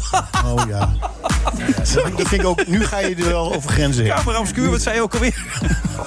Ik hoor de muziek. Ik denk dat we gaan afronden. Ik vond het wel leuk dat je er was. Dat Vanaf vandaag op eens Videoland. Ja, die is goed, hè, die serie. Hartstikke goed. De serie is goed. Het is ook een goede naam. Goed over nagedacht. Sanne de Vries, tot de volgende keer. Hoop ik. Dag Wilfred. Ja, ik ga meteen. Tot zo.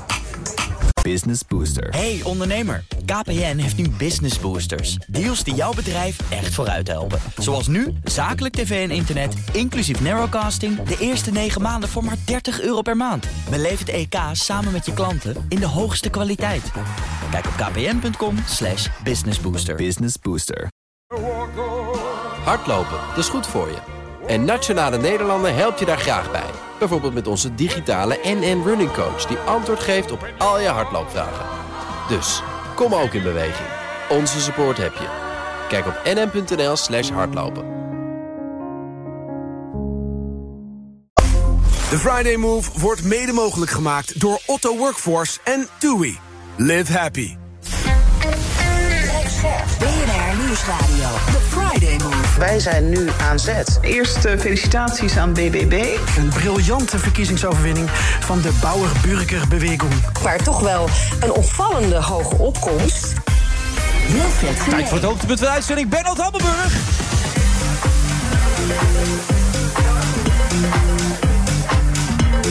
De radio altijd iets harder voor de mensen, de, de liefhebbers van Bernard. En dat zijn er natuurlijk heel veel op die prachtige stem. Die intellectuele teksten, die hoogstaande bijdragen natuurlijk te kunnen meenemen... in deze uitzending van The Friday Move. Of niet, eh, Jeroen Smit? Daar kijk je ook naar uit, toch? Een mentor misschien wel een beetje. Bernard heeft de mooiste radiostem van Nederland. En wij kennen elkaar ook alweer, nou, 30 jaar denk ik. Maak er 40 Ik heb je opgezocht in Amerika in 1996, schat ik zo. Toen we allebei voor het Algemeen Dagblad werkten. Ja. En eh, nee, ik ben een groot fan. Maar wat deed je daar dan? Wat, eh, waarom zocht je hem op dan? Ik was, ik was in die tijd was ik chef economie bij het Algemeen Dagblad. En ik was correspondent En in hij de was correspondent. Staten, ook voor het Algemeen Dagblad. Oh, dus je ging hem even een beetje bijpraten. Even gewoon... Zeker. Wat voor vlees je in de kuip had. eh, Nee, nee, nee. nee, hou nee. hier wat want rekening er, kwamen, er kwamen gelukkig in die tijd, deed de AD heel goed... voor specialistische verhalen. Dat lieten ze niet aan de correspondent over. Vroegen wel vaak of je dat wilde helpen voorbereiden of dat soort dingen. Maar daar kwamen dan wat dan heet specials voor over. Dat deed Jeroen dus ook. Oh, ja. goed. Ja, dat En eh, zag je toen al veel in hem? Jawel, jawel. Je Ja, potentie? geweldig goed met elkaar vinden. Ja? Ja, en ook inhoudelijk. Ja. Inhoudelijk ook Ja, nog eens? ja, ja, ja. Dat is helemaal Echt. lekker Ja, natuurlijk. dat is vet, hè, ja. Want het oppervlakkige, daar kopen we allemaal niks voor in dit leven. Toch, Bernhard? Ook leuk. Ja. Hey, wat ik zo grappig vind, eh, Jeroen, je hebt nou daar allemaal briefjes voor je liggen. En het intrigeert me toch wat je nou allemaal mee hebt genomen aan teksten... op die, op dat- op die twee A4'tjes van je. Ehm, ik heb de neiging me voor te bereiden. Echt waar? Ja. Dus ik wil dan weten wie komen er en waar gaat het over. En dan krijg ik het ook opgestuurd en dan kijk ik daarnaar. Je kijkt ik- series en zelfs. ik, eh, ja, nou ja, Ja, dat komt zo uit. En dan denk ik na van wat, wat vind ik hier nou van. En het is niet zoveel, het zijn maar twee A4'tjes. Maar dat vind ik toch prettig. Dat je een beetje vast kan houden aan wat je zelf bedenkt. Dat je nog even terugkijkt en denkt, hoe dacht ik er ook alweer Ja, over? maar het is niet zoveel hoor. Kijk, Nou het ja, is een beetje... twee A4'tjes, het is niet mis. Ja, maar er zit heel veel wit in. En Maar vind je, niet, maar vind, je, vind je het niet prettig dan dat ik me voorbereid? Ik vind het hartstikke leuk dat je je voorbereidt. Maar ik zit er gewoon eh, even naar te kijken van... Ik, ik, we hadden altijd Hans Kraaij junior bij ons in het programma. En die, begrijp, die, die, eh, die voorbereid, maakt ook altijd voorbereiding voor zijn grappen. Dus dan zag je hem op papier kijken en dan maakt hij er weer eentje... en dan stopt hij hem weer in zijn binnenzak. Dus ja, daar moest ik even aan denken toen ik dat briefje zag liggen. Ja, Ja, nou ja. ja. Bernard. Ja. Goed dat je er bent. Fijn om er te zijn. Ja, eh, maar je gaat weer over serieuze zaken praten. China, Rusland. Ja. Zoeken elkaar steeds weer La, la- laten we Wat even, betekent dat? Laten we op deze eerste mooie eh, dag van het jaar... Oh, je zei trouwens dat dit een indianentent is. Kwam, Ja, dit zei je als dat toen je. Ja, dit- Wat bedoel je ja, dit- deze keten, dus Hard Rock, is opgericht door Britten en Amerikanen en overgenomen door. Ehm, je mag het zo niet zeggen, ik zeg het denigerend, maar een Indianenstam in Amerika, een hele grote, een volk heet dat. Hè? En Indianen mag je ook niet meer zeggen, het zijn Native Americans. Eh, maar die hebben op een bepaald moment, het is echt een leuk verhaal, in de loop van de jaren een soort grondwettelijk vacuüm ontdekt, namelijk eh, als ze konden aantonen, dan kunnen ze dat ze een apart volk zijn, dan horen ze niet, formeel niet, zijn ze geen onderdeel van de staat waarin ze leven. Dan zijn ze dus letterlijk op de kaart een staat in de staat. En toen ze dat eenmaal ontdekt hadden, toen zijn ze dat gaan eh, exploiteren door bijvoorbeeld in hun mini-staatjes die je overal hebt. De- deze groep ko- komt uit Florida, maar. Bijvoorbeeld in New York, Massachusetts heb, je ze ook. Er z- zijn ze in die mini-staatjes zijn ze gokcentra gaan maken. Oké, Want dat mag, laten we zeggen, in de staat New York is gokken verboden. En in Massachusetts ook. Maar in dat kleine mini-staatje, dat dus geen officieel New Yorks gebied is, mag het wel. En daar zijn ze verschrikkelijk rijk mee geworden. En dat verdienden ze ook, want ze zijn ontzettend ach- achtergesteld en, en, en gediscrimineerd.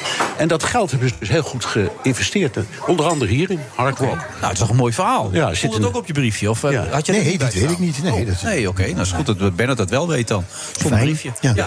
Maar je, je, bij de Chinezen, je wil zeggen op Ja, deze mooie dag... Deze mooie dag, een beetje, beetje positief. Het verhaal is dus dat eh, Xi, de president van China, die gaat naar Moskou, drie dagen. Ja. En nu hoopt iedereen dat hij daarna gaat bellen met Zelensky. Zelensky hoopt dat ook. En waarom? Het zou kunnen hè, dat hij een soort van bemiddeling doet. Het is hem een paar weken geleden ook gelukt om ja, een soort van eh, eh, herstel van de betrekkingen tussen Iran en Saoedi-Arabië uit te onderhandelen. Heel knap. Ja. Eh, en totaal onverwacht, want China doet dit soort dingen helemaal nooit. Is nieuw op, op, eh, op, in, in, in dit soort geopolitieke dingen. Ehm, en nu gaat hij dus naar, naar, naar Poetin. Er zijn heel veel mensen die terecht zeggen ja, maar. eh, dat bondgenootschap tussen China en, en Rusland, dat is levensgevaarlijk. En China is eigenlijk van plan om wapens te Ja, dat leveren. hoor je overal, ja. Ja, eh, dat is ook weer een ingewikkelde, want waar praat je dan over? Dan praat je niet over kanonnen of over gevechtsvliegtuigen, maar bijvoorbeeld eh, halfgeleiders die je we- weer in wapens moet gebruiken. Oh. Dus dat kan ook. Het kunnen ook gewoon chips zijn. Ja. Maar hoe dan ook, die angst bestaat. Maar als je dat nou even wegdenkt, gesteld dat die Chinezen slim genoeg zijn om te zeggen: nee, dat, dat doen we niet, daar komen we niet voor. Eh, maar wij hebben er belang bij, gewoon in, dat, dat daar rust komt. Dan hebben ze wel een goede positie, want ze zijn dik met Poetin. Dus ze hebben ook invloed op Poetin. En tegelijkertijd onderschrijven ze het principe van eh, de soevereine staat. Dus ze zijn tegen de, de bezetting of de inval in, in Oekraïne. Dus ze spelen een soort dubbelrol. En daarom zeg ik, ik, Mhm. Maar goed, dan ik, gaat ik, ik bekijk het op die... praten met, met de man die trouwens nu door het internationaal strafhof eh, uitgenodigd wordt. eh, nou, nou, Ja, hij, hij wordt een arrestatiebevel tegen Ja, Poetin. tegen hè? Poetin, ja. Eh, de Drie dagen praten met Poetin en dan een telefoontje naar Zelensky. Ja, en dan, en, en, dan, en dan, nou, hij, Xi heeft dus eh, een paar weken geleden een twaalf-puntenplan gemaakt. Een soort voorstel om te komen tot ehm, op zijn minst een wapenstilstand en dan misschien vrede. Dat was flut, die twaalf punten te ja? Nee, was, niet goed gedaan. Nee, niet goed gedaan, maar toch zeiden ook de Amerikanen... want ik let vooral nu op de Amerikaanse reactie hierop... want die zien plotseling, ja, wat dan heet in de tegenwoordig bipolaire wereld... een andere wereldmacht die een, een deel van hun traditionele speelveld overneemt. Dus ik kijk enorm naar de Amerikanen en die zeggen... nou, laat die eens gangbaar gaan. Ja. Ehm, en eh, nou ja, dus... maar eh, wacht even, je stelt 12 punten op die zijn Ja, en die, daar stond niks in. Maar de, de, de, de- de- zeggen de, de, kop was, de kop was... staakt het vuur. Ja. En er is geen, geen normaal mens in de wereld die Maar daar is niet toch een prima voor... punt om mee te beginnen, toch? Ja, maar goed, dat was Ja. in feite de strekking van dat, Ja. dat eh, 12 eh, eh, punten. gewoon tellen mee beginnen. Punt één, staakt Ja, het vuur. Staakt het vuur, ja. Ja. Nou, Punt en- twee, ook staakt het vuur. Ja, en dat, dat, kan, alleen een maar zonder, dat kan alleen maar zonder voorwaarden vooraf. Hè, anders lukt het nooit. En dat, dat, daar, daar stuiten ze dan steeds op. Want, want Zelensky zegt, ja, nee, dat willen we wel... maar dan moet Rusland zich eerst hebben teruggetrokken uit de Krim. Of, en dat soort dingen. Oké. En, eh, en Rusland zegt, ja, we willen wel praten... maar dan moet ehm, eh, Oekraïne eerst erkennen dat eh, de Krim en dat oosten deel van ons is. En dat gebeurt allebei niet. Dus, Hij, wil, hij wilde aanzetten even, Jeroen, met een vraag. Ja, maar ja. Je, je trekt hem terug. Nee, nee, nee. nee. Nou, nou, waar ik nieuwsgierig naar ben met al jouw kennis. ehm, en je zei het net even in het begin, hè, dat was altijd een rol die Amerika eh, speelde. Hè, het, dat geopolitieke krachtenveld, partijen bij elkaar proberen te brengen of in te grijpen of niet. En voor, voor China is dit helemaal nieuw. Voor de, de, de, de, de Chinezen hebben traditioneel zich nooit bemoeid met het grote buitenland. Eh, daar hebben ze, ook, ze hebben ook het motto: je, gij zult u niet bemoeien met de interne aangelegenheden van een ander land. Dus ook bijvoorbeeld hun ontwikkelingssamenwerking. Hè, ze hebben contacten in Afrika, maar dat zijn allemaal deals. Ja, geen politieke. Nee, u geeft ons Nee. je, jij geeft ons je grondstoffen, wij geven je scholen en wegen. Maar we gaan niet praten over of die regering bij jou nou wel of niet deugt. En, en, en dat, dat principe dat, eh, dat, dat heeft er altijd toe geleid dat ze heel terughoudend waren. Ja. In het zich bemoeien met de wereld. Maar China is een wereldmacht en wil zich ook zodanig profileren. Wil ook die veran- En waar, waar ik zo nieuwsgierig naar ben. Maar dat is toch maar gewoon koffiedik kijken, dat realiseer ik me ook wel. Dat als, als Xi dat pad opgaat. Hè, en, en er hangt een aura omheen van misschien kan hij zorgen voor een wapenstilstand of voor vrede. Vrede. Hè, dat is Ja, daar gaat het voor natuurlijk, ja. Dan, maar dat zegt mijn gut feeling, dan moet dat wel ook eh, ge- gebeuren. Zou ik maar Ja, ja, zeggen. ja, ja, ja. Dus, dus dan, ja, maar daarom dan moet je niet is- mislukken. Nee, maar ze- Chinezen houden niet van mislukken. Nee, helemaal Nou, niet. als je maar- 12 punten hebt die zo van tafel worden Nee, nee, nee, maar even terug naar een paar weken geleden... met dat, dat, de, laat maar zeggen, die overeenkomst tussen Saudi-Arabië en Iran. Dat kwam echt... Nou ja, in Amerika zeggen ze out of left field. Niemand had daarop gerekend. Zomaar plotseling hadden die twee landen... die enorme problemen met elkaar hebben. Eh, en waarvan ieder mens zegt het zou goed zijn... als die weer een beetje tot elkaar komen... om alle mogelijke redenen. Energievoorziening, spanning in het Midden-Oosten. Noem het allemaal op. Dat heeft Xi in stilte uitonderhandeld. Dus hij, in antwoord op jouw vraag, ja, het, maar het moet wel lukken. Dus als het nu niet lukt, ja, dan, dan, eh, dan is het in afval in de ogen van Amerikanen... en waarschijnlijk ook van NAVO toch een soort blamage.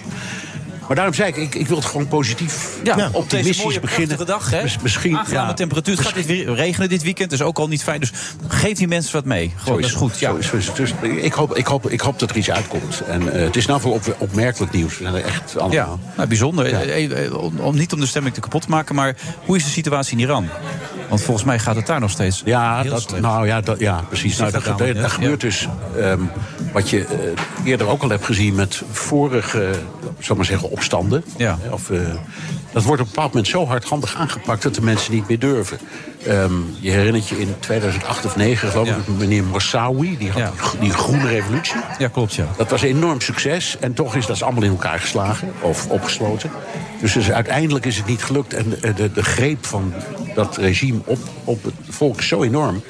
dat ze vaak niet durven. Nou, nu gebeurde er eigenlijk nog iets interessanters omdat dit beperkte zich niet tot ehm, de grote steden, Teheran of Koem of zo, maar dat ging over het hele land. Dus in het hele land kreeg je demonstraties. Allemaal vrouwen die het openbaar hun, ehm, eh, hoofddoek afdeden. En dan zeiden wij strijden voor gelijke rechten. En ook voor dit regime moet stoppen, dit moet weg. Ehm, en eh, dat is bovendien overgenomen in het buitenland. Dus dat had enorm succes, maar het is nu weer een beetje gedoofd. Oké. Ja, en eh, dat, eh, ja, tragisch. Verdrietig, echt heel verdrietig. Ja, maar ja. Bedankt dat je het nog wel even... Wat hoor jij zelf trouwens? Want jij, jij hebt, eh, ik zou maar zeggen, Iraanse Nou familie. ja, ik hoor dat er nog steeds wel eh, heel veel dingen... Die, met die gifgassen en zo op die scholen enzovoort... dat Oh, dat vreselijk nog steeds gaande Ja. te zijn en zo. Dus dat is echt verschrikkelijk. Ja, ja, ja. Dus ja, goed, daar, daar heeft in geval zeggen, daar het Openbaar Ministerie eh, stappen tegen genomen. Hè. Dus dit is niet, waarschijnlijk niet uitgevoerd door, door, eh, door eh, regeringseenheden. Laten we van het positieve uitgaan. Rusland, China, misschien dat er iets kan gebeuren tussen... En dit, dit verhaal over Poetin is ook leuk, want in de, in de Russische grondwet staat dat een staatsburger nooit mag worden uitgeleverd. Oh ja. Niemand ooit. Nee. Dus, dus ze doen maar. hè. Ze doen maar inderdaad, ja. Dat is meer voor de vorm. Dankjewel, Bernhard.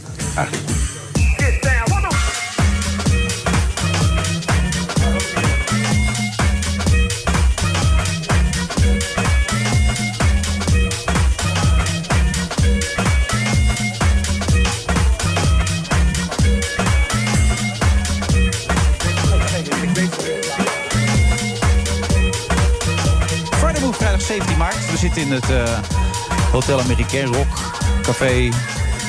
eh, Indianen, nou ja, enzovoort. Eh, u begrijpt wat ik bedoel allemaal. Jeroen, gaat het nog een beetje? Kijk even op je... Ik zag je even kijken. Je zat even te spieken op dat papiertje van je. Want jij gaat over die banken meepraten, toch? Of niet? Nou, nee, hier, zit- hier naast me zit een absolute expert. En ik heb heel lang geleden een boek geschreven over ABN AMRO. Ehm, Hij staat heel even te kijken hoe spreken ze zijn achternaam ook alweer uit. Ja. Dat was het. Weet jij het nog? Ach, jongens, alsjeblieft. Wij kennen elkaar een heel klein beetje, want we hebben bij hetzelfde Edin blad Mujagic. gewerkt. Maar ik was Mujagic. Kijk, in één keer goed. Nee, welke was het nou dan? Mujagic. Ja. Nou ja, kijk aan. hey, die heb ik meegepakt. Ga door, jullie kennen elkaar. Ja, tenminste, jij hebt bij FEM gewerkt. Klopt. En heel toen was ik er net weg, volgens mij. Inderdaad. We hebben elkaar net misgelopen. Net misgelopen. Ja. Je hebt een mooi boek geschreven. Is het dus je zit een echte expert. Ja, goede econoom? Absoluut. Ja, de bankensector. Ik moet eerlijk zeggen, ik zat er vanmiddag met iemand over te praten.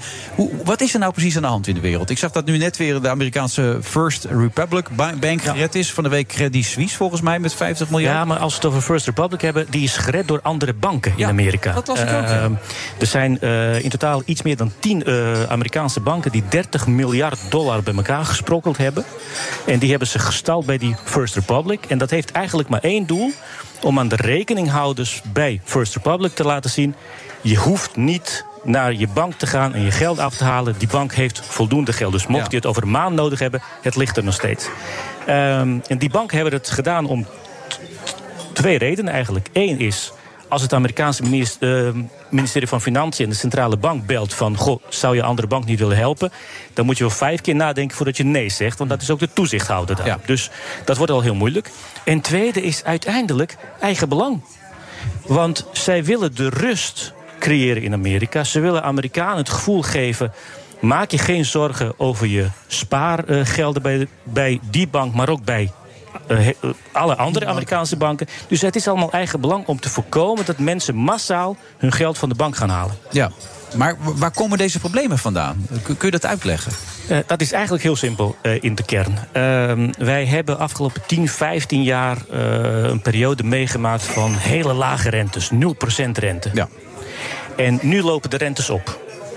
En ehm, daar hebben sommige banken problemen mee. Want eh, als de rentes oplopen en je hebt heel veel staatsobligaties in je boeken, dan wordt dat papier minder waard.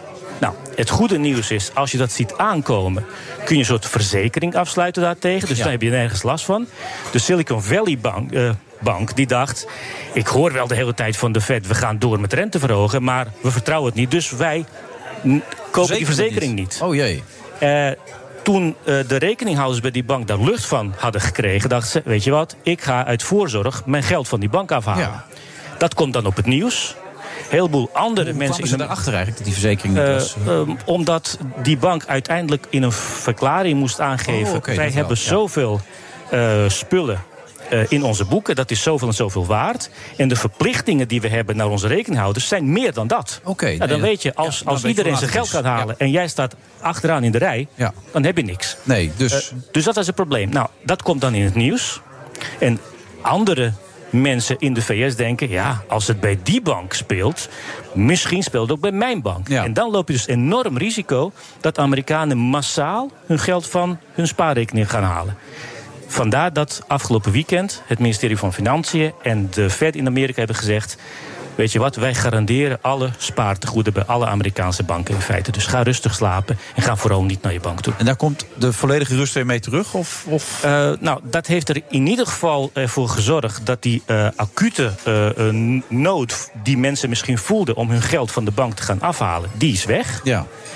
maar de kern van het probleem is dus nog steeds dat die rentes aan het oplopen zijn. En nou is het toeval dat diezelfde centrale bank die vorig weekend in uh, allerijl dit soort maatregelen moest nemen, die vergadert volgende week over de rente. En die rente moet nog eigenlijk verder omhoog. Okay. En ik denk dat dat een van de moeilijkste vergaderingen van de centrale bank van de afgelopen 40 jaar gaat worden. Want waar zit je mee? Aan de ene kant zit je mee met nog steeds het feit, we zouden het bijna vergeten, maar nog steeds is het zo: inflatie in Amerika is veel en veel te hoog. Hmm. Die moet je aanpakken. En er is maar één manier om inflatie aan te pakken: je moet de rente verder verhogen. Ja. Dat is hele simpele Ja, dus monetaire wiskunde. Nu komen deze problemen bij de banken voor. Je moet er rekening mee houden dat dat probleem misschien in de komende weken wat groter kan worden. Ehm, en dan kom je als Fed in een soort spagaat. Als je kijkt naar je oorlog tegen inflatie, dan moet je de rente verhogen. Maar als je rust in de tent in het bankenlandschap wil garanderen, moet je eigenlijk gaan stoppen met verhogen van de rente. En wat je dus ook doet, de Zo, kans is groot. Spagaat heet dat, toch? Ja, zeker. Dat, eh, he- he- echt heel moeilijk volgende week. En er is nog één element wat we ook niet moeten onderschatten, denk Het ik. wordt nog een pittige vrijdagmiddag, jongens. Ga door, ja. De- de- nee, maar Bereid je daar maar op voor. Die, die laatste bankcrisis, een hele heftige, in 2008, eh, 2009, die is nog zo vers. Ja, daarom. Dat, dat zie je ook in de media. Dus er zit ook een heel irrationeel aspect aan. Hè? Want we kunnen allemaal rekensommen maken. Maar als mensen eenmaal gaan roepen Dat is in het. koor van het gaat mis in bankland. Ja. Hè, want ook de Nederlandse aandelen van de banken zijn eh, dramatisch eh, gekelderd. En Ja, maar over- wel weer hersteld, maar kijk, Ja. we hebben het hiervoor gehad eh, over geopolitiek. En men wilde eh, afsluiten met goed nieuws op deze mooie dag. Laten we dat ook met eh, de problemen bij Amerikaanse banken ook doen. Het is heel begrijpelijk dat mensen nu ineens denken aan 2008. Want toen begon het ook met een probleem bij één bank. En daarna werd het een heel groot probleem. Er is wel één cruciaal verschil tussen nu en 2008. In 2008, het komt erop neer dat je. eh, we hebben het heel vaak over een liquiditeitsprobleem en een solvabiliteitsprobleem. Hele dure woorden, heel simpel uitgelegd. Als jij als bank bezittingen hebt die 100 miljoen waard zijn. En die kun je verkopen op 1 september dit jaar. En de verplichtingen zijn 75 miljoen. En als mensen dan in de zomer hun geld komen halen, je hebt geen probleem. Want iedereen weet, je hebt bezittingen ter waarde 100 miljoen. Ik schiet dat geld wel voor. Dat is het liquiditeitsprobleem. Dat is wat er nu speelt. 2008 was, je hebt bezittingen van 100 miljoen. Je hebt verplichtingen van 75 miljoen. En ineens worden de bezittingen de helft minder waard. Dat was de kern van het probleem in 2008. En dat is nu, daar is nu echt geen sprake van. Dus dat is toch wel goed nieuws op deze mooie Ja, vrijdagmiddag, denk ik en desalniettemin moet er een beslissing worden genomen volgende week. Ja, daarom En wat zeg ik zou ook... jij ze adviseren? Nou ja, eh, Ja, gewoon eh, even eh, zo. Misschien luisteren ze mee. Ja, wie Wat weet. zou je wie doen? weet. Ehm, eh, eh, kijk, uiteindelijk, als je eh, die rente niet verder verhoogt als centrale bank. dan loop je het gevaar dat je inflatie eh, uit de hand laat lopen. Hmm. En geschiedenis leert ons keer op keer, Wilfred. Inflatie uit de hand lopen betekent een hele dure rekening gedurende een hele lange tijd. Dus dan kun je beter dat probleem gaan aanpakken met je rentewapen. En andere instrumenten, want die heeft de Fed ook, gebruiken om mochten er problemen ontstaan bij de bank, want dat is niet zeker. Mochten er problemen ontstaan bij de banken, dan los je dat probleem later wel, op. Maar het- de grootste fout die je kunt maken is zeggen. Die inflatie, dat lossen we later wel op. Dat, dat zal een hele dure fout zijn. Ah, Eden, als ze dit niet doen, zijn ze gek. Als ik hier zo hoor. Dat vind ik ook. Alleen, eh, ze moeten straks ga- wel bij elkaar gaan zitten. Ze, moeten gebeuren. straks wel bij elkaar gaan zitten. En dan moet je dus, na afloop van die vergadering, heb je een persconferentie. Dan moet je naar de buitenwereld gaan uitleggen waarom je de rente hebt verhoogd. En waarom de buitenwereld daar vooral niet bang voor moet zijn. En dat betekent een niet alleen eh, he- hele lastige opgave qua besluit. Maar het is ook een linguistisch probleem van je welstand. Communicatie is hier heel essentieel, hoor ik hier wel. En En, als je het zo uitlegt, hier, iedereen zit aan je, hangt aan je lippen. Zo klinkt het heel goed. Zo moet je het doen. Toch uiteindelijk. Zo Nou, ik denk dat de actualiteit heel belangrijk is. Wat, wat gebeurt er nu? Hè? We hebben nu een weekend en dan wat gebeurt er maandag, wat gebeurt er dinsdag? Ja. En eh, zijn de maatregelen die genomen zijn geruststellend genoeg om een bankrun op. Hè? Eh, Dus, en en de, de, de grote banken in, in Amerika zijn niet in gevaar op dit moment, kunnen we rustig stellen. Hè? De systeembanken. Dat heeft alles Maar van de week was Credit Suisse is wel een systeembank, toch? Begrepen? Ja, maar de- de- kijk, uiteindelijk is, eh, als je het hebt over systeembanken, niet-systeembanken... de les van de afgelopen week is... ook als je niet-systeembank bent, als je in problemen komt... word je een systeembank. Oké, dus ja. uiteindelijk zijn alle banken systeembank.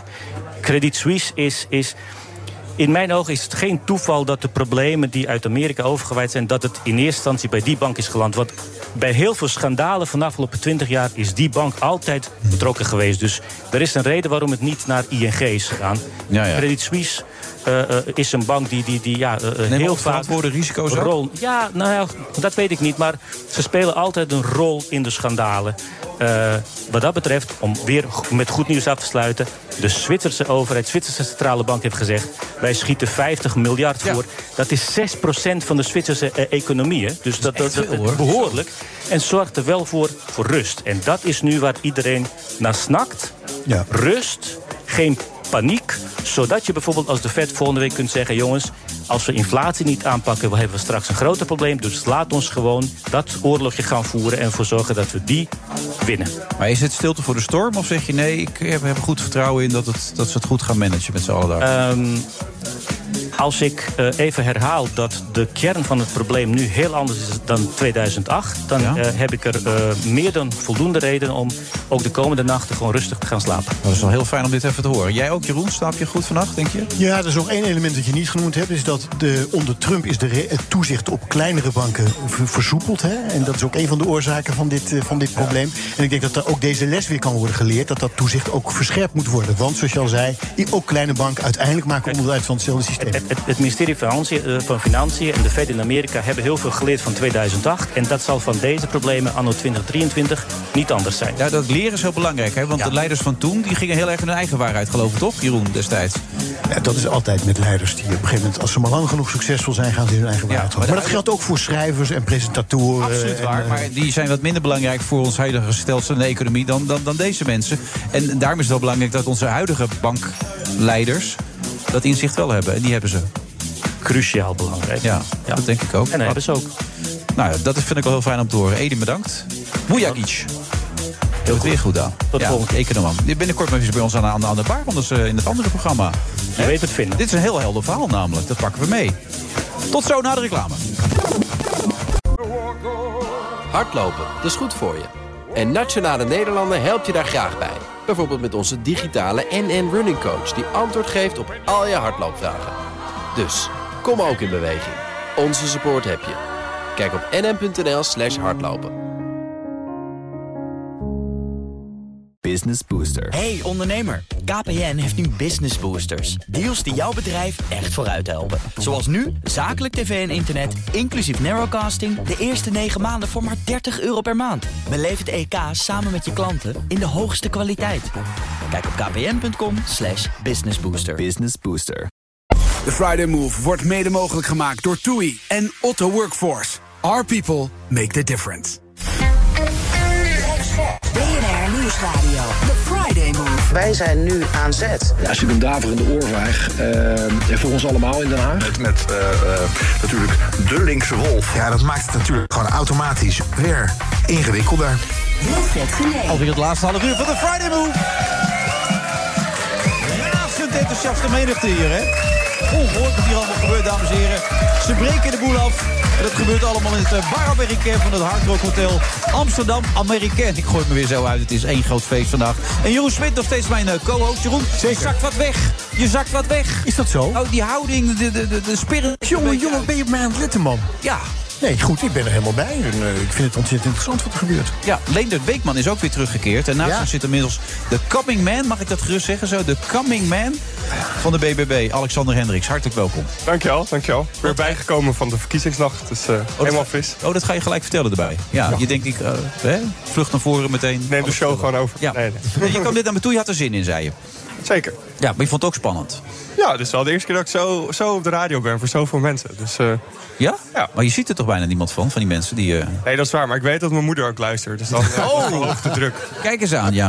Want even voor de duidelijkheid, hoe oud ben je? 26. Hier, daar hebben we het over, zeg. 26, rechtenstudie afgerond, toch? Eh, ja. Ja. ja, de master niet helemaal afgerond. Maar eh, Oh, wa- wat gaat nog gebeuren? Oh, zou ik net zeggen, want dat zal je moeder niet leuk vinden. Nee, daarom. Dat, dat eh, hoeft niet meer aan te komen dit weekend. Dat is hartstikke belangrijk. En verder, ben je nou de linker of de rechterhand van, eh, van Caroline? Als ik dan moet kiezen, zou ik zeggen linkerhand. Want eh, Henk Vermeer, onze campagneleider en ambtelijk secretaris... is wel echt de, de main eh, rechterhand. Dat is lastig, hè, Eh, Leonard? Wanneer ben je nou linker of wanneer ben je nou de rechterhand? Ja, ik dacht dat het misschien met politiek te maken had. Omdat Caroline altijd zegt dat ze niet links en niet rechts is. Dat dat voor jou een keuze was van, nou, ik kies voor links. Hè, zodat we niet als rechts geframed worden. Maar dat is dus niet het geval. Ik ben wel een redelijk sociale BBB'er wat dat betreft. Dus misschien ben ik ook zo de, de, de linkse hand. zeg. En wat doet die linkerhand dan precies allemaal? Ehm, van alles. Ja, je bereidt eh, inbrengen voor, je geeft advies. Maar soms moet je ook gewoon even een pakje peuken halen of zo. Als die van de Caroline Ja, die had ze van de week nodig, zag ik. Hè. Ze stond met zo'n ja. groene aansteker, stond ze bij ons ook in beeld. Ja, ja, ja, Had ze even een peukje. Werd zij ook weggehaald bij de NOS eh, omdat er iets aan de hand was? Of was dat echt vanwege het interview bij ons dan? Nee, ik geloof dat het een misverstand was eh, wat daar gebeurde. Weet je, er lopen daar heel veel mensen en die beveiliging is hyper, hyperware, zeg maar. Ja. Dus ja, dan soms... Binnen het interview ging ze opeens zomaar weg. Ze werd in haar oor gefluisterd zo en toen liep ze weg. Ja, dat gaat snel dan. Ja, nee, ik was daar niet direct bij, dus ik weet niet precies wat er gebeurde. Oh, waar was jij dan? Ja, ik was een eh, biertje aan het nuttigen. Oh, kijk, dat is, ook, dat is hartstikke belangrijk natuurlijk allemaal. Wat is het gevoel dat overheerst, Alexander? Blijdschap, tevredenheid, eh, euforie. Het begint nu een beetje in te dalen. Maar vandaag komen er nog steeds uitslagen binnen die nog beter zijn dan we hadden Ja, verwacht. zitten jullie op 18, 19 zetels? Waar zitten ze nu op? Volgens mij 20? eh, is de laatste voorspelling 17. En dan geen meerderheid voor de coalitie en de linkse wolk. Dus dat zou voor ons een hele goede positie zijn. Ja, het is toch ongelooflijk als je erover nadenkt. Alle provincies. Alle provincies, Alle ja. provincies. Inclusief Utrecht. Dat was de grote Utrecht. vraag, ja. Ja, en dat, dat gevoel waar Wilfred naar, eh, naar refereert, ongeloof, Ja. eh, dat zag ik bij Caroline ook. Maar betekent het ook dat. Jullie hadden hier niet op gerekend, hè, dat het zo groot zou worden? Nee, ja, ik was wel heel erg betrokken met die campagne. Dus die laatste dagen zag je wel... Ik dacht, het wordt een driestrijd tussen ons, de VVD en de linkse wolk. En op de dag van de verkiezingen zag je de opkomst. En toen in het oosten zag je enorme opkomst. En in Amsterdam en de grote steden. Dus ik dacht, het wordt een tweestrijd tussen ons en de linkse wolk. Maar uiteindelijk was het gewoon een, eh, een eenstrijd. Een landslide. Ja, en, maar het is ongeloof, maar ik zie ook wel een klein beetje van... oh jee, nu moeten we in twaalf provincies moeten we besturen gaan vormen. Wij krijgen het initiatief. We zijn er klaar voor. Ja, maar zijn jullie er echt klaar voor? Want het is nogal wat hè, voor een hele kleine partij. Dit is nog nooit gebeurd. Kijk, of je er nou klaar voor bent of niet, je zal het moeten doen. En je zal moeten roeien met de riemen die je hebt. En eh, dat gaan we doen. Ja, maar het zijn niet zomaar eh, riemen die je nodig hebt. Je hebt het over een land, hè? En alle provincies. Toen had Rutte vanmiddag gezegd, Leen dat vertelde het net ook van... nou, ga het maar een keer even uitzoeken met z'n allen dan. Ja, de bal komt echt bij de provincie te liggen. En dus bij BBB. Dat doet hij heel bewust. Hij zegt met, ook met het stikstofbeleid. eh, eerst gaan de provincies gaan besturen vormen. Kijken wat ze met het stikstofdossier willen. En dan komen ze weer terug bij ons. Dus ja, de bal ligt nu echt bij BBB. Zeker. En wat gaan jullie doen? We gaan, eh, we gaan besturen vormen in de provincies. En dan eh, krijgen we de bal in handen. En dan gaat het eh, beleid, als het goed is, toch een beetje om. En dan staan jullie open voor alle partijen dan, aanvankelijk? Of zeg je van nou, bijvoorbeeld al niet met dat of met die? Nee, we praten sowieso met iedereen. Dus we hebben niemand uitgesloten. Oké. En wat moet er gebeuren volgens jou in dit land... om het weer een beetje bestuurbaar te krijgen en dat er weer wat gaat gebeuren? De, men, de politiek in Den Haag dan vooral moet gewoon luisteren naar de hele normale zorgen en de hele normale wensen van normale mensen. Dat zijn helemaal die willen geen gekke dingen. Die willen gewoon dat er een bus in de straat is, dat het zwembad dichtbij is, dat de kleine school open blijft. En dat moet echt vooraan te komen staan. Als je Maar die Alexander, fundamentele... hier, hier is niemand op tegen. Als je zegt het zwembad moet open en de bus moet rijden. Gaatje erbij, ook met water, ook lekker. Ja, en toch gebeurt het niet. Ja, en toch gebeurt Maar ook zometeen, je moet zometeen in de provincie echt moeilijke dossiers moet je, eh, dan moet je, moet je tot een goed eind brengen. De stikstof, de, de dwangwet of de spreidingswet, hè, hoe je hem ook wil noemen. Daar is Caroline ook geen fan van. Of mevrouw van der Plas. Eh, wat willen jullie op die dossiers? Wat vraag je van Den Haag?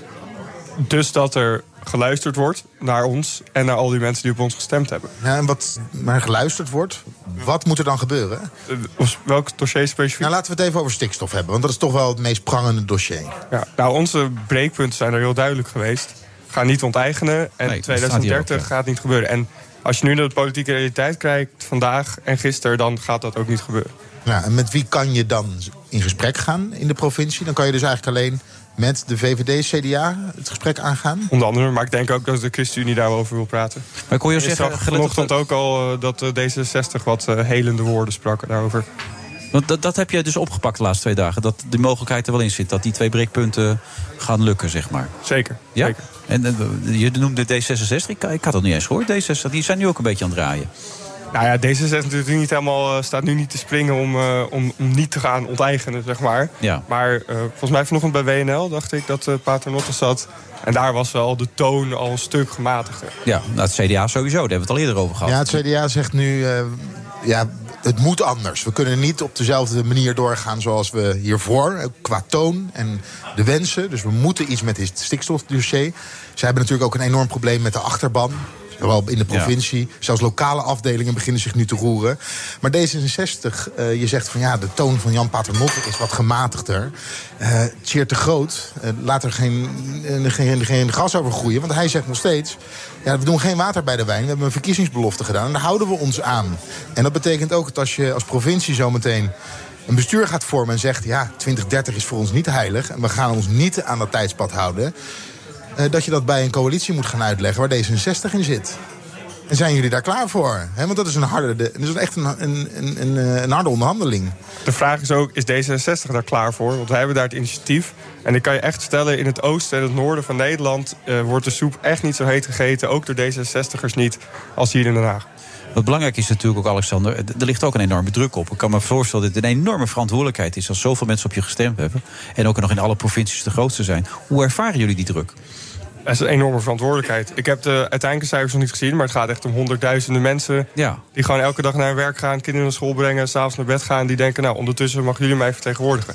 En dat, wel, ja, dat, dat brengt wel druk op je schouders. En ja, daar moeten we dan maar mee dealen. Zoals ik zei, je moet roeien met de riemen die je hebt. We hadden vorige week Dirk Boswijk zitten hier. En eh, het gaat ook over die breekpunten bij de onderhandelingen, het uitkopen. Hè. En die zei tegen mij, eh, er zijn zeker 17.000 boeren die eh, er wel mee willen stoppen. Die wel bereid zijn om er een einde aan te maken met het bedrijf... en daar eventueel met een regeling uit te gaan. Is dat echt zo waar? Is dat, zijn dat er zoveel?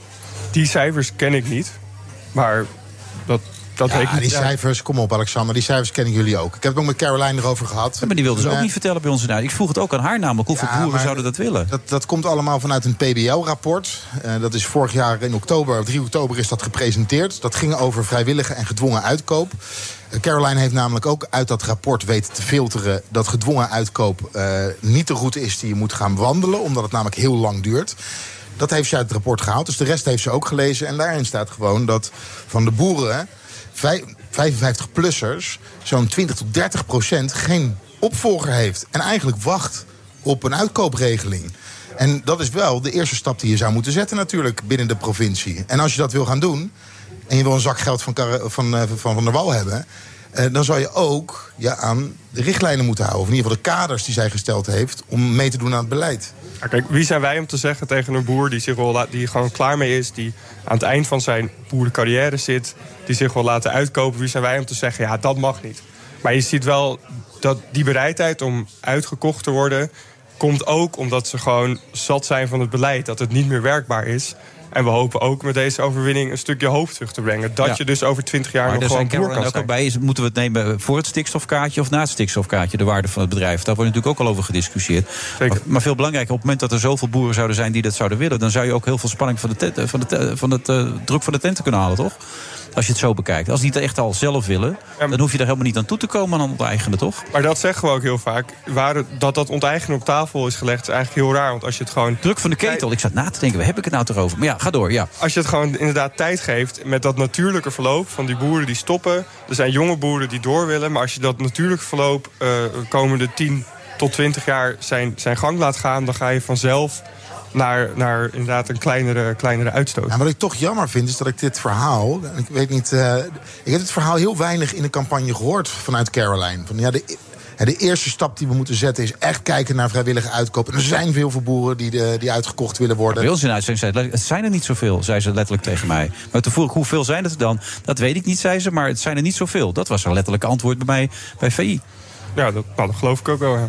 Ja, maar als Dirk Boswijk ondertussen kan zeggen dat het er 17.000 zijn... die zal er ook niet zomaar eh, een getal in de lucht gooien, toch? Nee, dat denk ik ook niet. Maar het gaat natuurlijk om wat ik net zei. Hè. Wil je graag uitgekocht worden? Of heb je het gevoel dat je toch niet meer verder kan of la en laat je je dan maar uitkopen? Ja, maar het is een hele aantrekkelijke regeling, gaat het zo meteen worden. Van der Wal komt in april met haar uitkoopregeling. Uh, je zegt bedrijven zijn niet meer zoveel waard. Maar een stikstofvergunning, want er zijn heel veel. Hè, boeren hebben nog wel zo'n vergunning. Zo'n stikstofvergunning is op het moment nog wel heel veel waard. En het ADL berekent 4,2 miljoen euro gemiddeld per boerderij uh, die uitgekocht gaat worden. Dat is een mooi bedrag. Dat is een lot, dat is het lot uit de loterij, toch? Nou, die regeling moet eerst nog maar komen. Ja, maar dat En, zeggen eh, jullie altijd. Ik hoor van BBB, dan moet de regeling nog maar komen. Eh, maar de regeling staat voor de deur. En als je in oplossingen denkt, dan kan je ook denken van... joh, boeren, kijk eens. Wat een mooi bedrag er zo meteen voor u ligt. Ja, maar dat zeg ik. Eh, het zijn hele mooie woorden, maar we moeten eerst zien wat er op tafel ligt. En dat landbouwakkoord moet ook nog komen. Dus er moet nog heel veel komen voordat je echt specifiek kan gaan praten over wie wel en niet vrijwillig zou willen stoppen. Wat ik me ook afvraag, jullie hebben nu een hele mooie overwinning behaald. eh, maar geen, het is geen absolute meerderheid. En toch hoor ik Caroline heel vaak spreken van... eindelijk wordt er naar ons geluisterd, naar de burger. En dat horen we natuurlijk vaker, zeker vanuit populistische partijen. Eh, maar houden jullie ook rekening met de mensen die jullie niet vertegenwoordigen? Nee, ja, zeker. Ja, we, hebben, we hebben geen absolute meerderheid. In Tubbergen wel. Ehm, alleen is dat geen, on- geen provincie aan zich. Ehm, maar ja, daar moet je rekening mee houden. En je moet ook gewoon water bij de wijn doen in die onderhandelingen. Want die andere partijen vertegenwoordigen ook allemaal in totaal... volgens mij 80% van... Ja, eh, en dat lukt wel. Ik bedoel, dat, daar zijn jullie wel toe in staat. Zeker. De strijdvaardigheid is groot natuurlijk. Hè? Wij gaan Nederland een beetje anders maken. Zeker. En het ligt er ook aan, eh, als je gaat onderhandelen... Welke, of, of, mensen, of de andere partijen rode of witte wijn willen. En dan ga je gewoon Oh ja, dat is ook nog over... belangrijk. Ja, zeker waar- ook nog. Je weet het niet natuurlijk Precies. allemaal. Jij wil iets zeggen volgens mij, Jeroen. Nou ja, waar, waar ik nieuwsgierig naar ben. ehm, want nu kom je op het plus. Nu moet je gaan besturen. En dan moet je dus ook ruimte maken voor onderhandelingen, voor samenwerking. En het punt wat jij net maakte, Leonard, van eh, ja, eh, 17.000 boeren, die willen wel. Het zou natuurlijk geweldig zijn als BBB vanuit de achterban dat zelf gaat inventariseren en gaat zeggen: dit is de ruimte. Want één ding wil je niet op je geweten hebben als je bestuurder bent, is dat je de economie op slot zet. Ja, want dat is wat er nu gebeurt. Het stikstofbeleid, als het niet wordt aangepakt, dan eh, kan er niet gebouwd worden, kan er niet geïnvesteerd worden. En dan frustreer je op een heleboel andere terreinen onze economie. Er wordt nog steeds eh, op veel plekken gewoon gebouwd. En er kan nog steeds geïnvesteerd worden. En we moeten dus eerst ook maar kijken. We hebben een initiatiefnota ingediend. Maar die 900.000 van Hugo de Jong in 2030 gaat nog lang niet gehaald worden op deze manier. Om maar eens een voorbeeld te noemen. Ja. het is natuurlijk ook aan de BBB om zometeen in die 12 provincies. Want op 1 juli moet er namelijk al een plan liggen. Hoe gaan we met het landelijk gebied om? Zij moeten gaan inventariseren. Hoeveel boeren willen er uitgekocht worden? Voor wie moeten we gaan kijken welke regelingen, welke, welke boeren er in aanmerking komen voor, eh, voor, de, voor de regeling? Eh, dus ja, het, het is een hele grote, grote taak. Je merkt al hoe groot de verantwoordelijkheid nu al is, Alexander. Zo'n programma als dit wordt tegelijk hè, de duimschroeven gaan aan. Want nu moet je het laten zien, hè? Aandacht verplicht. Maar het gaat wel alleen weer over boeren en alleen weer over stikstof. En die overwinning van ons, die is natuurlijk breder dan dat. dat gaat Nou, ook hoe over- zou je die willen verklaren dan? Ja, ik denk echt, en dat is of mijn persoonlijk gevoel... en daarom ben ik ook uiteindelijk tot de BBB aangetrokken... dat het verdwijnen van de overheid uit die regio... het verdwijnen van kleine scholen, het verdwijnen van politiebureaus... het verdwijnen van, eh, van buslijnen... Maar ook toeslagenaffaire, ook, ook eh, de, de, de Groningen-situatie. Denk je niet dat er ook zoveel onvrede in de maatschappij heerst... dat jullie daar het symbool voor zijn geworden? Dat jullie dat willen veranderen? Dat de mensen willen zeggen van... kijk, dit is afgelopen nu in Nederland? Ja, zeker. Het is natuurlijk gewoon een breder verhaal. En, en, maar je, er zou niet zoveel algemeen onbehagen zijn... als die basisvoorzieningen niet zouden wegvallen. Dat is de kern van alles. Als je de basistaken niet op orde hebt... dan, dan is alles een heel groot probleem. Want dan wordt de, de, de, taart wordt alleen maar kleiner om te Maar verdelen. klopt deze analyse? Want je ziet namelijk ook dat in, jullie zijn in alle provincies zijn jullie de grootste geworden. Ook in de Randstad, ook in Noord-Holland, ook in Utrecht, ook in Zuid-Holland. En daar zijn die voorzieningen wel degelijk aanwezig. En ook in de steden, neem eh, Rotterdam hebben jullie goed gescoord. Den Haag heeft BBB goed gescoord. Daar zijn die voorzieningen wel aanwezig. Dus dat onbehagen is dan toch nog, nog breder dan dat? Als je bijvoorbeeld naar Den Haag kijkt... eh, eh, de veiligheidsregio Haaglanden... die heeft inderdaad evenveel politiebureaus als tien jaar geleden... Ehm, maar er zijn er wel in de stad Den Haag bijgekomen. En in het Groene Hart, wat ook in die veiligheidsregio ligt, zijn ze eraf gegaan. Dus zelfs hier in de Randstad en die, die randwijken, die, die, die randdorpen... daar is het voorzieningenniveau nog steeds schrikbarend gedaald. Nou, kijk, hij zit goed in zijn informatie. Dat is heel belangrijk. dat je niet zomaar laat verrassen. Wat zijn je ambities, Alexander? Wat wil je zelf? Straks moet je je master afronden, dus je moeder blij. En dan ga je verder. En dan? Ja, nou ja, ik vind het sowieso belangrijk. eh, mijn plek in de Tweede Kamer nu bij Caroline is heel belangrijk. Om Linkerhand nog steeds, gewoon. Ja. Linkerhand. Ja. Eh, om een beetje stabiliteit te hebben. Weet je wel, mensen die je vertrouwd om je heen hebben. Want we zijn daar met een kleine club. En we hebben zo meteen een grote club in de provincie. Een grote club in de Eerste Kamer. Dus die sterke club in de Tweede Kamer, daar wil ik gewoon. eh, De komende jaren. strijden. Ja. Zeker. En dan, als straks over twee jaar het nog verder gaat... en het loopt nog verder uit de hand... en de BBB schijnt het zo goed te hebben gedaan... heeft het neergezet in die provincies... dat Nederland denkt, nu geven ze nog meer verantwoordelijkheid. Maar hoe zie je je rol dan? Zien we jou in de toekomst als een minister? Hè? Als die tijd komt en ik heb het gevoel dat ik verantwoordelijkheid Oh, je kan nemen... politiek bedrijven- om 100.000 mensen ongeveer te vertegenwoordigen... dan, nou, dan sluit ik dat niet uit, nee. Zo gezegd, die ambitie is er wel. De ambitie is wel dromen moet je uitspreken in het leven, Alexander.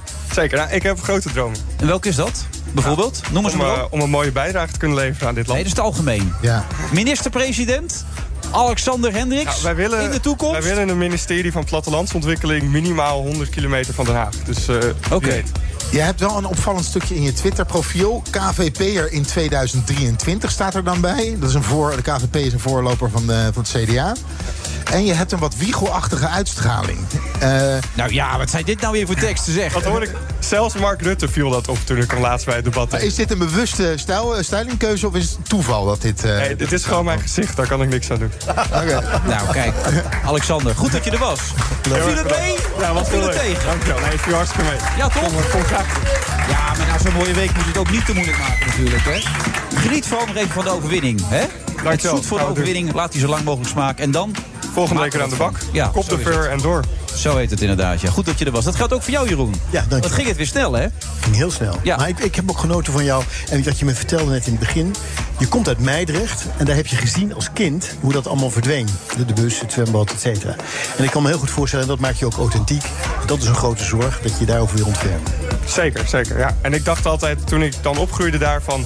dit is een soort law of nature. En toen ging ik studeren en toen kwam ik erachter... dit hoeft niet zo te zijn. Zeg maar, dit zijn allemaal politieke keuzes waarom dit allemaal verdwijnt. En daar kunnen we veranderingen brengen. Kijk, tot het einde toe scherp, hè, die gozer, die Alexander.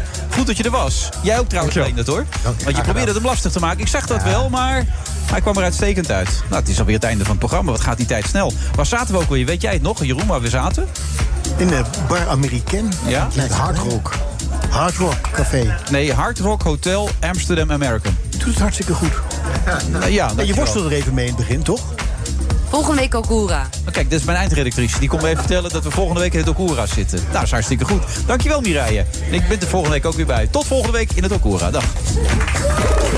Dit zijn de provinciale statenverkiezingen. Dat dit inderdaad provinciale statenverkiezingen zijn. Het gaat echt niet alleen over stikstof. Stikstof staat symbool. Met, met eh, eh, natuurlijk de linkse wolf. Eigenlijk zie je de BBB goed scoren. Maar toch wel een opvallende hoge opkomst. Een gevoel van, van, van onvrede, teleurstelling in de gevestigde politiek. Dit wordt gigantisch. Het beleid wordt al gemaakt, maar de wet is nog niet aangepast. Ik heb liever winst. De Boelburgerbeweging heeft dat gewoon heel goed gedaan. Als mensen op de VVD stemmen, dan kunnen ze erop rekenen dat wij zullen knokken. De Eerste Kamer is gewoon een politiek lichaam. En, en dat is iets wat mensen eh, ook altijd in het CDA weten te waarderen. Ik ga stemmen en ik kom thuis. Rijbewijs zoeken. Dat dit inderdaad provinciale statenverkiezingen zijn. Dit kabinet is er niet stabieler op geworden. Dat is natuurlijk een daverende oorvijg eh, voor ons allemaal in Den Haag. Ja, dat maakt het natuurlijk gewoon automatisch weer ingewikkelder. Eh, ik kan niet geloven. Ik, ik sta gewoon helemaal te trillen. En dan moet je toch ehm, misschien beter gaan luisteren naar je achterban op het platteland. Nou, in algemene zin, eh, eerst eh, felicitaties aan BBB. Nu BBB zo groot is, eh, rust er ook een grote verantwoordelijkheid ook op hun schouders. Een